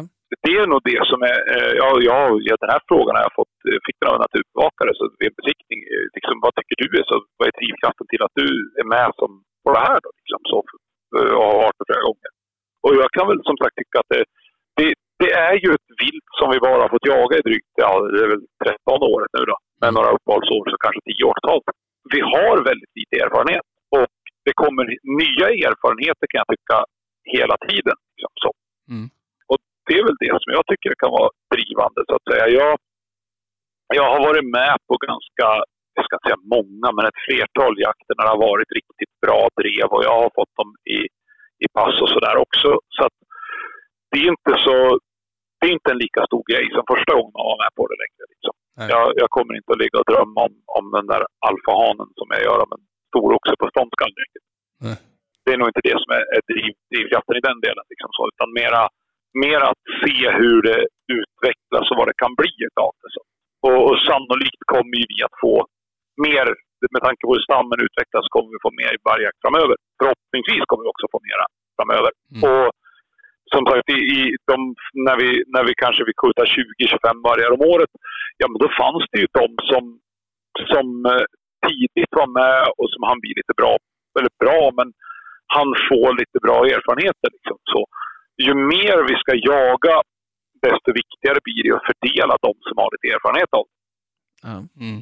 För det är onödigt att uppfinna hjulet en gång till. Liksom. Ja. Ja, ja, precis. Men om du, fick, om du fick bestämma nu då? Om du, fick, eh, om, om du hade kraften att säga att ja, men där, där du bor så skulle det inte finnas någon revir. Det skulle inte finnas någon varg att jaga. Eller att ni skulle ha en jaktbar stam. Vad skulle du välja? Men jag skulle vilja ha bort dem helt. Mm. Det, det är fortfarande, även om jag kan tycka att jakten har sin tjusning, liksom, så, så skulle jag aldrig för mitt liv vilja ha dem kvar för det. Nej. Det förstör ju all annan... Alltså, mm, kanske man låter lite hatisk i det här och det är absolut inte mot djuret som sådant utan kanske mer mot förvaltningen av det. Mm. Men, men det går absolut att jaga med hundar i varje område men det går inte alls lika bra som att inte ha dem, som vi pratade om tidigare, tryggheten i, i ett ståndskall eller än värre för de som har drivande hundar. Mm. Och, och det kan man ju säga, i områdena där det har funnits varg länge så finns det ju inte så mycket taxar och drevrar kvar. Nej. Eller det var länge sedan de försvann. Att det kommer lite stövare, det är den nya generationen som även jagar lite vargar med. Ja. Jag har en kompis här hemma som han, han, han jagar det här med stövaren i det här området. Och, och liksom, han tycker att en vargfri dag är han inte har sett någon på sin åtelkamera. Mm. Ja. Det, Ja, det är, men eh, det, det är lite, lite olika härdning. Liksom, så. Jo, men det är ju så. så är det. ja.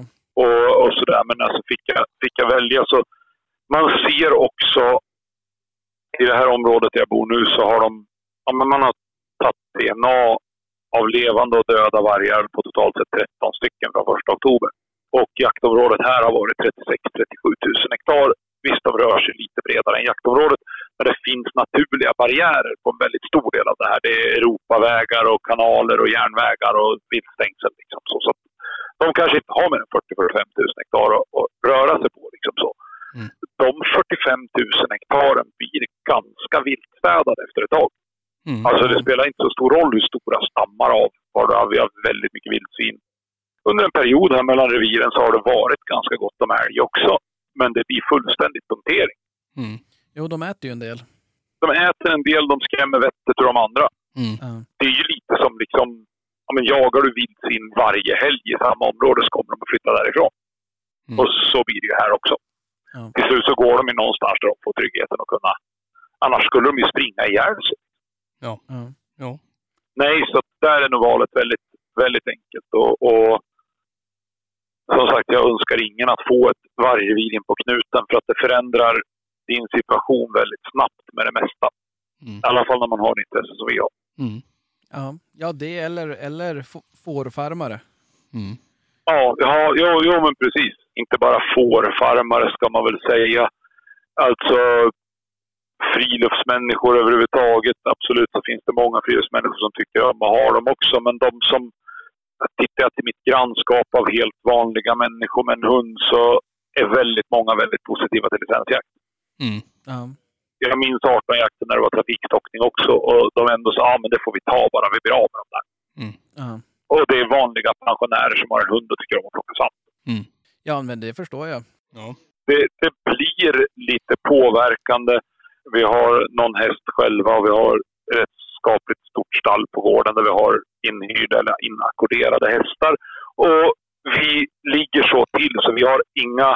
Det är en och en halv mil till närmsta tätort, järnväg, större väg eller annat. Och det finns grusvägar i anslutning så de kan liksom rida ut i miltals utan att träffa på någon större trafikerad väg. Liksom så. Men däremot så träffar de på vargar när de är ute och rider. Vilket det blir ju en obehagskänsla för att hästar kan bli rädda för dem, skrämda, de slänger av och så vidare. Fast det är ju även för dem en, en jobbig del. Liksom. Mm. Mm. Och, och det är ju inte heller så roligt. Nej, nej. Och det är så senast som tidigare idag som jag fick en fråga om just vad jag trodde nu. Då kunde man rida ut utan att, utan att vara nervös. Eh, för nu är ju vargarna jagade, så men det är bara hälften som är skjutna. Så att det skulle gissa att det kommer en ny hane hit när tiken finns kvar så ser det likadant ut till hösten. Mm. Men hur, hur funkar det där? För det, visst, man, man får licenser på ett revir och då är väl tanken att hela reviret ska skjutas bort?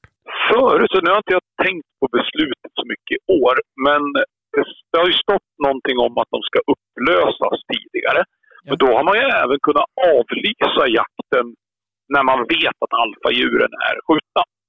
Och, och sådär va. Men nu så, jag pratade lite med, med vår länsstyrelse här och frågade varför, varför man har valt just sex stycken i de flesta reviren. Och det, det, det hävdar man att det är det genomsnittliga antalet individer i ett revir. Det är sex stycken. Liksom, så. Och därför så utgår man från det. Och man, alltså det här har ju kommit upp rätt mycket i debatt i år eftersom det är revir som är nästan tomma. Vad man ska basera tilldelningen på för siffror. Ett revir jag jagat i år jagade vi förra året och där sköts det bara sköts det fyra då. Eh, det var där det var två revir i samma, på samma tilldelning. Så det sköts åtta ur det ena och fyra ur det andra. Och då fanns det fyra, fem stycken kvar, varav en var en fjolårstik och det är de vi har jagat i år. Okej. Så att eh, det vart ju absolut ingen lättnad för de Nej. som jagar, verkar, lever eller bor där.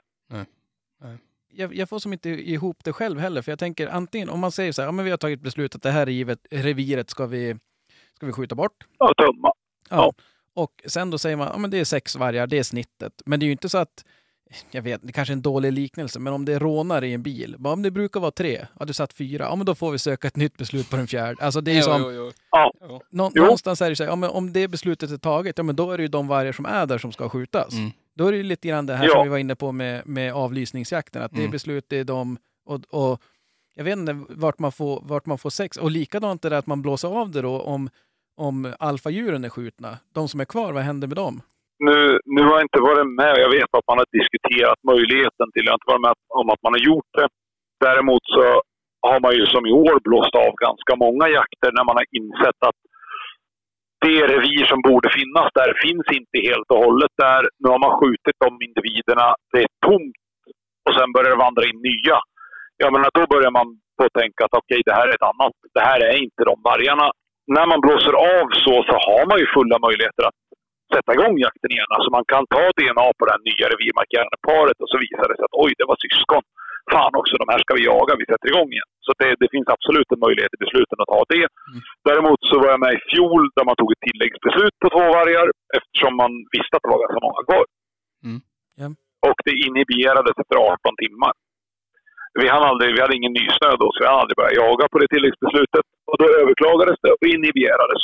Och så fick man, eh, fick man ett nej, alltså man fick på pälsen att man hade gjort fel när man la det här tilläggsbeslutet av förvaltningsrätten. Förvaltningsrättens resonemang menade på att man eh, skulle ha tagit ett nytt beslut. För det här liknade alldeles för mycket ett nytt beslut än ett tilläggsbeslut. Jaha, ja. Nu har Länsstyrelsen i sin tur överklagat det här till högre instans, men det är fortfarande inte avgjort. Okej. Mhm. Ja. Så, att, så att därav, så, just som till exempel här jag bor, då, så, har man, så tar man inget tilläggsbeslut för att man vet att man fick nej i förvaltningsrätten. Alltså, ja, de har inte juridiskt stöd för att ta ett sådant beslut Nej. till. Okej. Och än så länge inte prövat i högre instans. Så skulle det prövas i högre instans och så visar det sig att det var, det var rätt att göra det tilläggsbeslutet, ja, då hade man ju kunnat tagit det, men det har inte skett än. Okej. De törs inte.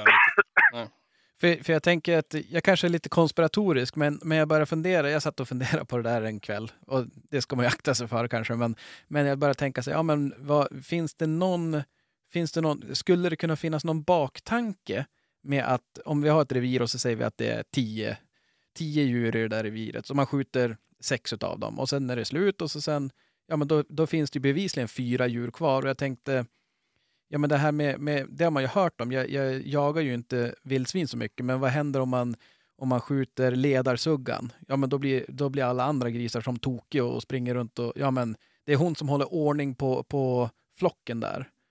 Ja, Och Ja. ifall det fanns någon, någon baktanke kanske med att, ja men blir några kvar, ja men då kommer de att vandra vidare och sprida sig, eller vad man ska säga. nej, jag tror inte att det finns så mycket sådana baktankar. Rätt så ofta så löper de valparna som blir kvar en väldigt stor risk att bara bli ihjältagna av andra vargar. Okej. Så, ja, men du har, säg att du har tre valpar kvar i ett, ett revir och ett sedan länge etablerat revir. Det kommer ett nytt par att hitta. Och när de kommer där så kommer det två fullvuxna vargar in bland tre valpar som springer och flamsar runt för de har inga föräldrar och knappt lär sig jaga än. De jagar den de eller tar ihjäl dem. Mm. Mm. Så det är inte riktigt som vildsvin eller andra djur på det Ja. viset. Liksom. Så. Ja, fasen var bra att jag fick lära mig någonting. Ja. Ja. Ja, så att, så att nej, den sortens konspiratorisk baktanke har jag väldigt svårt att se att den finns alls. Och nu, som, som sagt, jag har inte så mycket jag med, med Länsstyrelsen i Dalarna, Örebro och Västmanland att göra på de jakterna som är här runt omkring. Och de- deras eh, fältpersonal är ju minst lika mån som vi är om att vi ska försöka skjuta fullt och att det går så bra som möjligt. De, de kommer in med observationstips. Om det går trögt, liksom, ja, men vi har obsat dem i den där utkanten. Lägg lite mera fokus. Vi hade fyra där igår. Ja. Eh, Så det, det, det är inget... Det är ingen, jag upplever inte att någon motarbetar de här besluten, utan snarare tvärtom. Det är Ja, men det är klart, de, är det fältpersonal där så lär de väl bo i krokarna. Ja, Och då, precis. då får ju de sin, vad vad är det man säger, släng av sleven också av att de finns där från första början. Ja, men lite så är det nog också. Ja. Nej, så det, det, det, det är nog inga, inga konspirationsteorier som jag tror på så. Sen, sen vet Skönt. jag inte riktigt. Idag har jag svårt att tro att det ska finnas några andra än just de, de, de teorierna ligger högre upp än, än här nere. Det är nog snarare på någon, vårat verk som sköter det som har sina synpunkter. Ja. Och sen då diverse förvaltningsrätter som, som tar, man, bland annat det här som är avlysningsjakt. Det- De tidiga jakterna var det väl som man prövade att ha en mera generell tilldelning och det fick man ju på pälsen på en gång. Mm.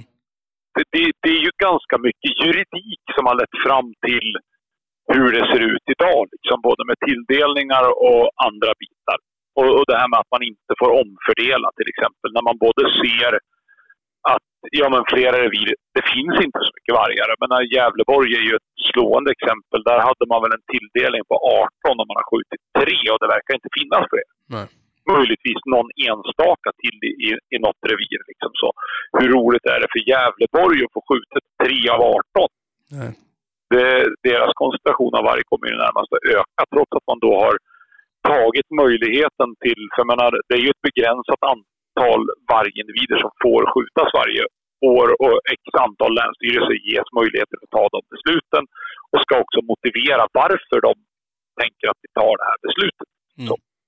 Och då är det ju jättetråkigt om en länsstyrelse som ja, men Gävleborg i år då, har tagit de här besluten och ja, jag förstår säkerligen att även de där inne som jobbar med det här tycker att det är ett nederlag när det inte händer någonting. Liksom. Jag vet ju att Gävleborg förra året, när de eh, fick avlysa något revir och sådär, snabbt tog tilläggsbeslut på något annat område som de ju faktiskt hann skjuta några stycken ur innan det vart inhiberat och så. så det verkar ändå vara så att man jobbar aktivt och försöker komma framåt. Och så upplever jag som Västmanlands länsstyrelse också. Att de, de, de, det är ju de som har överklagat Mm. att de fick på pumpen för tilläggsbeslutet i fjol till exempel. Ja. Och, och, och jag vet att man även i år när, när Tike varit kvar här har tagit en omgång med jurister och försökt ställa frågan om det finns några kryphål där som man kan första ja. Liksom så. ja, men det är ju bra. Det, ja, men det, jag, jag, min, min upplevelse där är att det, det är liksom, ja, de har ju en dag på jobbet. Liksom, så. Det, det är ju så. De, de ska handlägga det här, de ska verkställa besluten när de tar vissa beslut och det ska verkställas. Liksom, så jag, jag upplever in, inte att man blir, blir motverkad alls. Där. Ja. Ja. Nej, men det är bra. Men Ja. sen, jag måste ändå också syna det. Det är många som har dagar på jobbet där de har mycket otur också. Så att det, det är ingen garanti jo, jo, alltid. jo. Men, men just ambitionen är ju viktig. Ja, men det, det, och det, det kan nog vara olika från, eller det kan nog, det vet vi är olika från typ länsstyrelse till länsstyrelse. Mm. Här, eh, våran är ju, de är ju jätteengagerade. Det är bara att titta med, vi går ifrån vargarna till lodjuren till exempel. Jag vet inte hur många hundra kameror de har ute för lodjursinventering i det här länet. Men man är väldigt snabb att säkra upp sina familjegrupper. Ja. Och så tittar man på grannlän där man, så man, man ser det väldigt tydligt på tilldelningen. Liksom. Alltså, Lilla Västmanland har nästan alltid med tilldelning i Uppland som är bra mycket större och de hittar inga lodjursfamiljer. Liksom. Så, men så har de fyra kameror istället för 150. Mm. Ja. Eh, och det, det är klart att det blir lite svårare för att lodjur har ju en liten, det är ju en liten annorlunda med att de rör sig ju lite större och, och sådär. Det är en annorlunda inventeringsmodell där du liksom inte får det här. Om du ser en familjegrupp, två eller, nu kommer jag inte ihåg siffrorna i huvudet, men alltså om det är, du har, du har en film på dem dag ett och dag två, om de är inom två kilometer på en annan kamera, då räknas de inte samman. Men om de är utom två kilometer då räknas de som en ny familjegrupp och så vidare. Har man då många kameror så kan man ju snabbt få in familjegrupperna den vägen och snabbt fylla inventeringsresultaten. Förut skulle du ju spåra Mm. och, och på spårsnö, men där har vi en familjegrupp på spårsnö och så åker vi fyra kilometer bort. Där har vi ingen, men fem, ja, men där har vi en till. Liksom. Så, men så kan det ju ta tre dagar innan vi hittar de där fem kilometer bort, fast det kanske är samma eller inte samma. Och, ja, eh, Så där, där tror jag det skiljer sig väldigt mycket och det har ju mycket med engagemanget lokalt att göra. Mm. Ja. Jo, nej, men så är det. Och det är väl lite, det är lite, jag kan ju tycka att det är lite synd ibland att det ska vara så olika. Så att, eh, ja, det, Ja. Där, det där ska ju inte vara beroende på, på någon eller enskilda individers inte, intresse eller driv, utan Nej. det ska ju vara lika för alla. Mm. Men, men eh, ja, det, det är inte så lätt kanske att lösa det. Nej, nej men det, det är ju lite, som sagt, det, precis som du säger, det, det handlar nog om vem som sitter på vilken post där också. Liksom. Så. Men, men eh, ja, här kring så upplever jag att de är väldigt intresserade av det de gör och, och, och väldigt, eh, jag upplever det som att det under en längre tid har varit ganska, ganska transparenta i det. Man har kunnat ringa och fråga vart de tror att de har. Men eh, vi har, men nu under några år har vi haft vargrevir runt oss ganska mycket. Men går vi tillbaka en fem, sex, sju år liksom så, då bodde vi knappt i utkanten av något revir heller. Men det fanns ändå revir två mil härifrån. Och det var på den tiden som man var lite mera rädd för vad det kunde göra. Liksom. Men så, då har det ändå gått att ringa och fråga. Liksom. Men, när ni har samlat DNA eller eh, det finns halsband på diken eller vad det nu är. Liksom, så, hur har de rört sig? Behöver jag oroa mig när jag släpper en älghund här eller här? Liksom, så, Mm. Och fått ett seriöst svar. Och det, är väl, det är väl ett jättebra sätt att jobba på om man vill skapa förtroende. Ja, ja. Ja, det är ju snyggt. Det är ju också någonting som man ser, och det har väl sannolikt med, med de olika alltså, länsstyrelserna eller, eller så att göra, vilket förtroende som, som det åtnjuts också. Ja. Alltså, jag menar, på en del ställen så finns det inget förtroende alls för dem och på andra ställen så är det ett ganska bra förtroende. Mm. Ja, nej, så är det. Och där tror jag att eh, alla inblandade tjänar på att, att ha ett bra samarbete. Ja, det tror jag också. Och jo, men alltså, det är lite som han som är ansvarig för rovdjursinventering i det här landet brukar poängtera. Liksom att om vi inte hittar några vargar eller om vi inte hittar några lodjur så får ni ingen jakt. Det, det är så enkelt. Finns det inget revir så kommer ni definitivt inte få jaga några vargar. Nej. Och det är väl en nog så stor anledning till att trycka in i Scandops när du har ett vargspår. Liksom så. Mm. Och, och nu, nu håller, här håller de på väldigt mycket med, med, med lodjursinventering. Och jag hittade ett par lodjur som hade rört sig igår. Eh, ringde en kompis som inventerade och sa det här är ett, de här spåren är nog något par dagar gamla. Det är ganska frostigt och snöigt i dem. Tycker jag ska lägga in dem i Scandops eller inte? Så, nej, men lägg in dem, han. Mm. Så, så att vi, så vi får med dem. Ja. Och sen så alltså, tänkte jag, ja, men jag vill inte göra fel. Jag var ju ganska säker igår på att det var lodjur och det var rätt nära hemma. Så, nej, jag åker dit och kollar en gång till och går 100 meter bara för att vara 100 procent innan lägger in obsen. Så gjorde jag det. Liksom så. Och sen var jag iväg och hämtade lite grejer och körde tillbaka en timme senare. Och då mötte jag naturbevakaren på väg ut och skulle säkra upp det. Mm. Ja. Och då är man ganska alert. Ja. Ja, ja. Mm. Ja, det, det, På tårna lite grann. Ja, det är bra. ja, men, och f- Ja. snack, snacka om att det ökar eh, viljan och drivet av att ringa in det. Man vet att det händer någonting med det. Mm. Ja, men ja, och som sagt, det, står ju på, på hela sidan på bilen Länsstyrelsen Västmanland. Alltså, så, jag stannar till lite grann och, och bara växlar ett par ord med honom också. Och, och, och frågar liksom, ja, jag- såg att det var ett spår som var felaktigt inrapporterat i, igår. Ja, så, men och sen har det dammat snö från bilar i så det var jättesvårt att spåra. Men det, var, det är ju ett blodspår, men, men jag kan knappt följa det där. Men, men om du hade ett nyare här nere, så ja, nyare tror jag inte det är, men det är i alla fall tydligare och det borde vara lätt att följa det. Ja, men då, då jobbar jag på med det. Liksom, så. Mm. Och, och det är väl roligt att kunna ha den dialogen. Ja, ja. Ja. Och För- nödvändig. ja. Nödvändigt framförallt. U- Underlättar ju för alla inblandade. Ja, precis. Ja, ja. Det, det är liksom, jag menar, likväl som de är konspiratoriska så blir det ju så åt andra hållet att vi ska försöka mörka saker också. Ja, ja. Ja, jo men det där har man ju upptäckt här hemma vid också just, eh, jag vet, jag har ingen data på det, men jag får, får känslan av att allt eftersom björnstammen ökar så har jägare blivit bättre på att rapportera in det också. För att, ja men Ja, hur, ska ja. vi, vad ska vi bedöma en, en eh, licensjakt på? Jo men det är ju den beräkningen. Alltså det är ju, om, om inte det rapporteras in, ja men vad ska man säga, om, man inte, om, det inte, om vi inte rapporterar in några björnar så finns det ju inga björnar. Exakt. Nej, men precis. Precis. Och, och, och det där är ju, som sagt, det, det, då faller vi ju på eget rep till slut. Ja. Precis. Och, och, och, och det är klart vi kan anklaga Länsstyrelsen för att vara dålig på att samla in DNA eller vad man, spillning och, och allt det här. Liksom. Så, men alltså, de har ju också en begränsad mängd tid. Det är människor som går till sitt jobb.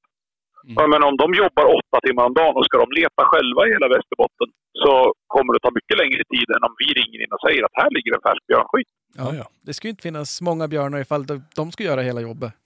Nej, precis. Och, och man, jag tycker man kan höra lite då och då, men vi ska minsann inte göra myndigheternas jobb och det är de som har planterat ut de här vargarna och det ena och det tredje. Ja, nej, absolut kan vi ha en sån tanke, men, men eh, nu sitter vi i den situation vi är.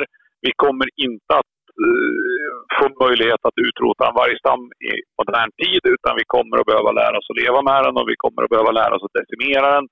Och, och med lite tur så kanske de här riksdagsbesluten som det talas om verkställs där stammen ska vara betydligt mindre än vad den är idag. Eh, men då måste vi också lära oss, lära oss att jaga dem och, och, och, och lära oss att hantera det. Så att säga. Mm. Ja, nej, men så är det. Jag tror att liksom, det är inte svart och vitt, eh, men det där är en, lite grann en generationsfråga också skulle jag vilja påstå. Ja, ja nej, men så, så kan det vara. Men, men ändå, det är ju, det är ju ett, ett dumt tänk kan jag tycka. Att man säger ja men det är, inte vi, det är inte vårt problem. Nej, men det blir ju ert problem om ni vill jaga. Ja, men det Alltså, är ju vill vårt problem. Ja. Liksom. Mm. Ja, alltså det är ett faktum. De är här. Eller, eller björnstammen är ju väldigt tät på vissa, vissa områden. Som sagt, jag, jag, jag hörde ja, men, Per som ni känner prata lite om det också. Att, att där de jagar björn så, så var tilldelningen sju vuxna älgar på 65 000 hektar. Mm. Ja, Alltså det är en vuxen på 10 000 hektar. Ja. Då finns det inte mycket älg. Nej, nej, nej, nej. Nej, Och då, då är det nog bra om man får skjuta lite mer björn. exakt. Oh ja. Och, och de, har ju, de ligger just i gränslandet där också, så att de har ju lite varg där också vad jag förstår. Ja, det var nog Ja, revir som precis. där. Precis. Så att det, Precis. Och, och då, det ökar ju inte direkt förutsättningarna för att öka på den där älgstammen. Liksom. ja. Nej. Nej, och då gäller det ju att, att man, precis som om man vill skjuta mycket, eh, mycket rådjur där man jagar, så, så då måste man hålla efter eh, ja, men, eh, rovdjuren. För, ja, Ja. men precis. Precis. Och, och, och, och då vill det väl till att man ser till att ge sig själv de möjligheterna. Precis. Precis. Och, och det där, nej, så det där, jag, jag tror att det där är någonting vi behöver i det stora hela sudda ut tänket och tänka om lite grann. Ja, absolut. Och det, och det är lite samma sak man hör en annan del i det här när vi pratar om just det här med 99 procent skulle vilja vara med och jaga. Men, men jag har ju också hört om det att nej, jag ska minsann inte vara med och göra Länsstyrelsens jobb. Det här kan de gott ta helikoptern och lösa själva. Liksom så. Ja, fast det finns ju ett jaktligt värde att jaga varg, precis som björn och, och lodjur och så vidare. Va? Varför ska vi, varför ska vi liksom förneka dem som, eller, eller inte ge dem som eh, tycker att det här kan vara roligt, den möjligheten. Och det är ju uppenbart 99 procent av de tillfrågade nu Mm. skulle jaga varg om de fick möjligheten till att jaga varg. Mm. Exakt.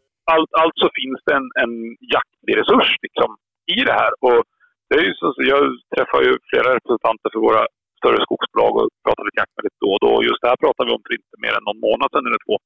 Där man då menar på att man vill gärna ha sina lokala jägare, sina lokala jaktlag med på vargjakterna. Eller de ska ges möjlighet så att säga, men samtidigt vill man ju jaga på större ytor än, än kanske 2000-3000 hektar, för det blir väldigt ineffektivt. Mm. Och så där. Så det, det, det är ju lite av en kombination, men man, man anser ju ändå att det finns ett jaktligt mervärde i jakten.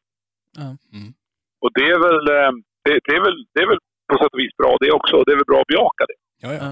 Men Ja, jag tänkte på det som Eh. du svarade där, att om du, fick, om du fick välja så skulle du hellre vara utan varg helt. Ja. Men eftersom vi inte får välja, Nej. så då att vi får jaga dem gör ju det, det gör det inte 100% bra, man är inte, jätte, alltså man är inte 100% nöjd med det, men det gör det lite bättre i alla fall. Ja, men det, det gör ju, och, och tittar man då på, på våra breddgrader här, liksom, det, det är ju inte... Just nu är det inte skitmycket älg. Liksom. Så det, det, det är inte så här man känner ett supersug ut och skjuta kalvar bland vargarna. Så då kan vi väl ta januari till att jaga lite vargar istället. Ja.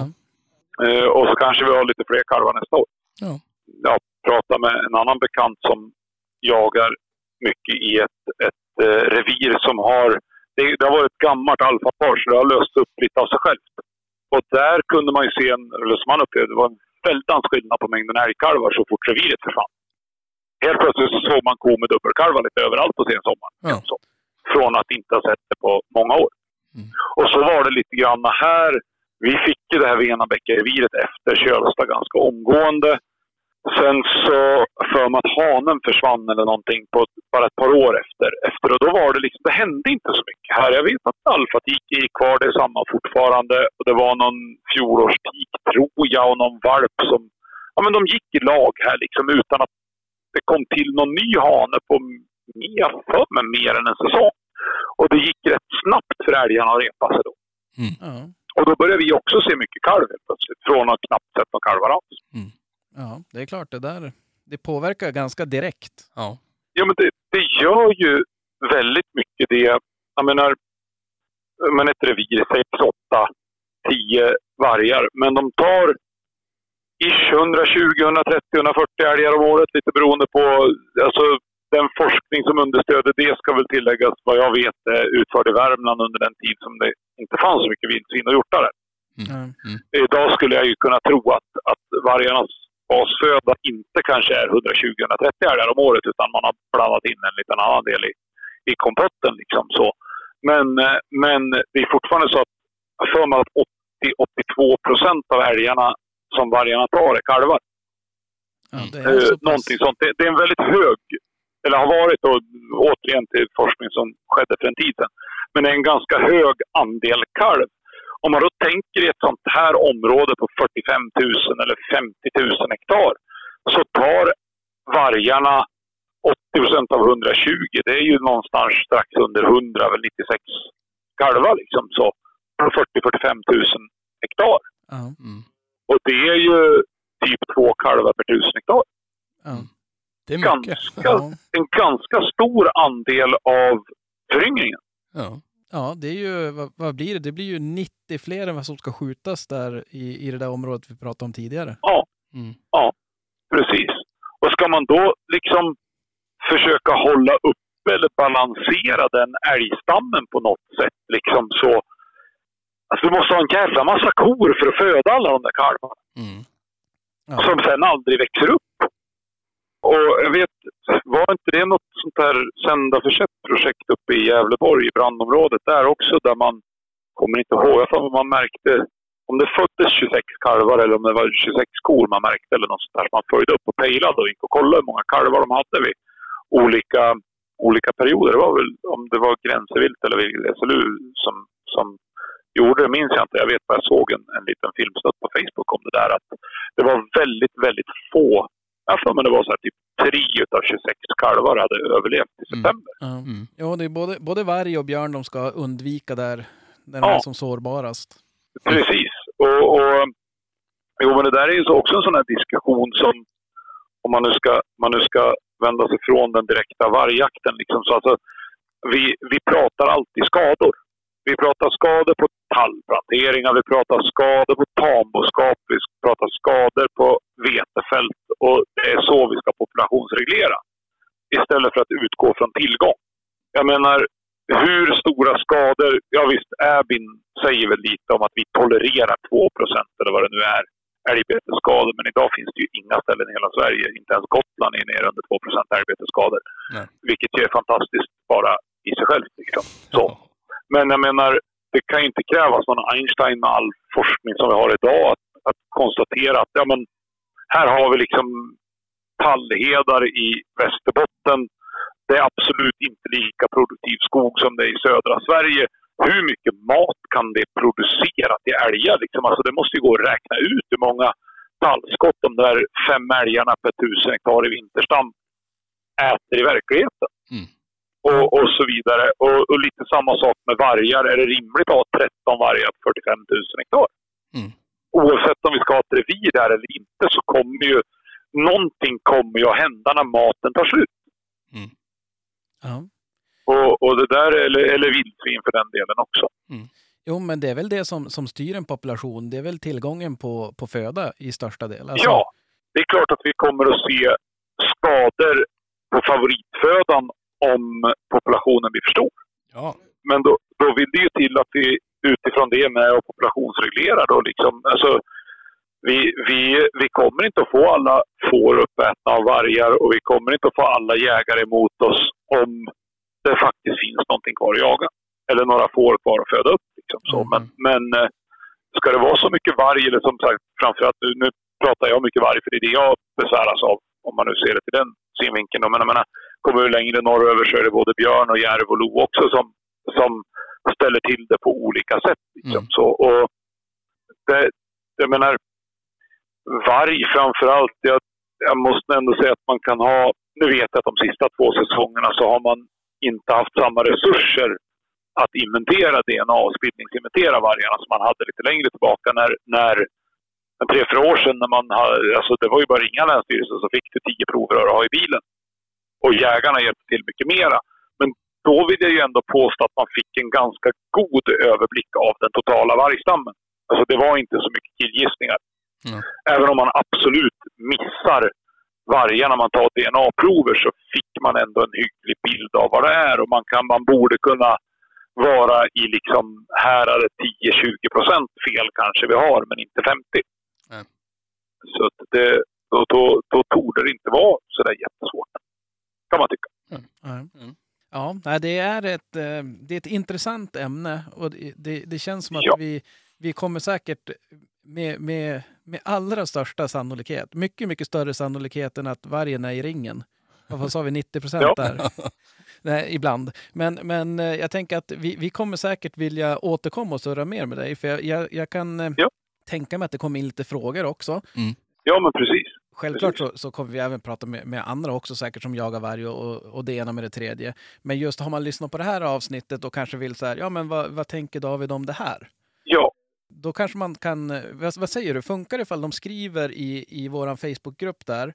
Och så kan Absolut. vi antingen, Absolut. antingen går du in och svarar där eller också kan vi vidarebefordra frågor ifall det dyker upp några. ja men, nej, men det kan man göra vilket som. Och som sagt, jag är ju bara en lekman i det här jag också. Så det finns de som har mer erfarenhet av det här än vad jag har. Och som, som definitivt kan ha, ha mer utvecklade svar också. Ja, nej men så, och så är det ju alltid. Det, det ska jag förtydliga också. att eh, Så är det ju alltid. Det är ju bara, annars skulle det vara väldigt få man skulle kunna prata med om någonting. Om det bara Ja. var den som var... var, var då, och vi skulle definitivt måste vara tyst hela tiden. Knäpp jävla tyst. ja. Men, men jag måste säga, jag måste, stort tack Ja. för att vi har fått ringt och, och Ja, men stört dig och, och diskutera Tack det här. Det, är- Alltså två timmar går ganska fort, märkte ni det? Ja, det är Har vi ju... bränt två timmar igen nu? Ja. Ja. Men alltså det är ju så himla intressant. Och det, Ja. det är ju det som jag tycker är kul att, att surra om, ja men både det här och med allt annat som har med jakt. Varje fråga väcker två Mm. nya. Så att det är så här, ju längre man pratar desto längre vill man prata. Ja, men, ja, men det blir så. Det, det poppar ju upp tre frågor per fråga. Ja, ja. Ja. Och, och, och men det, det, det där återkopplar ju lite till det som vi pratade om varför jag gör det här också. För att jag tycker det är lite intressant varje gång. Om man, om man nu bara kort på slutet ser tillbaka på det så det har hänt ganska mycket på de år som jag har varit med. På det här liksom med, man har lärt sig väldigt mycket på vägen. Ja. Och, och det är ju lite roligt. Inte bara vad jag har lärt mig, utan alla, alla som håller på att jaga med det har lärt sig. Liksom, organisationen runt omkring det har blivit jättemycket bättre på, på några år. Liksom, så. Ja. ja. ja. Ja, det är ju Så kul. det- Det är ju, det- det är ju utveckling. det är Det är ju det som, det är ju det som Det är dit man vill. driver en, höll jag på att säga. Exakt. Ja. Visst är det så. Nej, det är Ja. lysande. Vi, vi får försöka börja spara pengar och köpa oss någon liten jakträtt där nere så vi kanske ses någon vargjakt framöver. Ja, men precis. precis. Det, det, det, sikta in er på något område som inte har för mycket sån här, eh, beva- vad heter det, F1 och F2-individer bara. Så, så, att, det- så, att ni inte, så, ni inte råkar, så ni inte råkar förköpa er på ett jaktfritt område. Ja, precis. ja nej, det, vi, får, vi får forska i det där. Ja. Men du, David, stort tack och, och på Ja. återhörande kan vi väl säga. Ja, men tack själva. Absolut. Absolut. Ha det gött! Då Ha det så. Ha det bra. Ja, hej hej. Hej! Hej. Hej.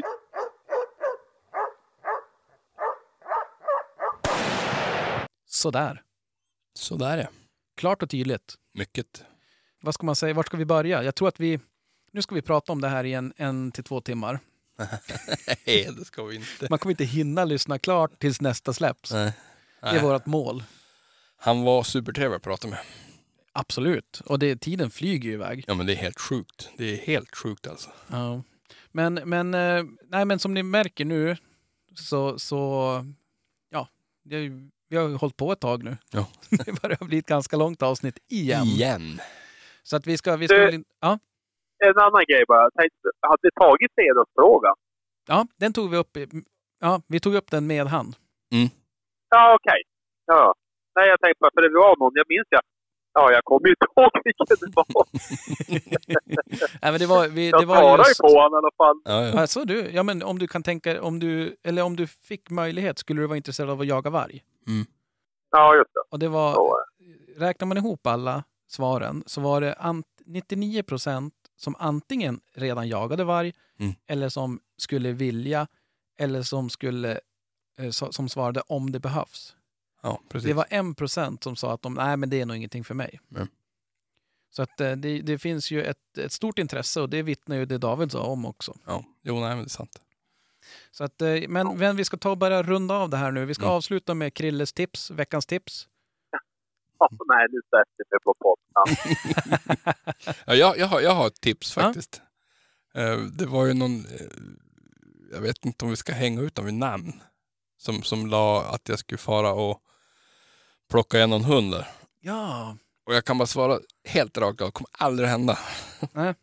vi måste Då- berätta bakgrunden om man inte har sett inlägget. Nej, men han, eh, det var någon, eh, vad var det för inlägg? Det var om att det var någon gråhund som var borta. Jepp, det är det som vi snackade om innan vi, prat, innan vi spelade upp med Davids Ja, samtal här, att eh, det är mycket rymningar och sånt. Ja. De hade ju hittat en, eh, en jakthund i Umeå. ja så var det precis. Och då ville han att jag skulle fara och ta tillvara den där. Ja, en gråhund.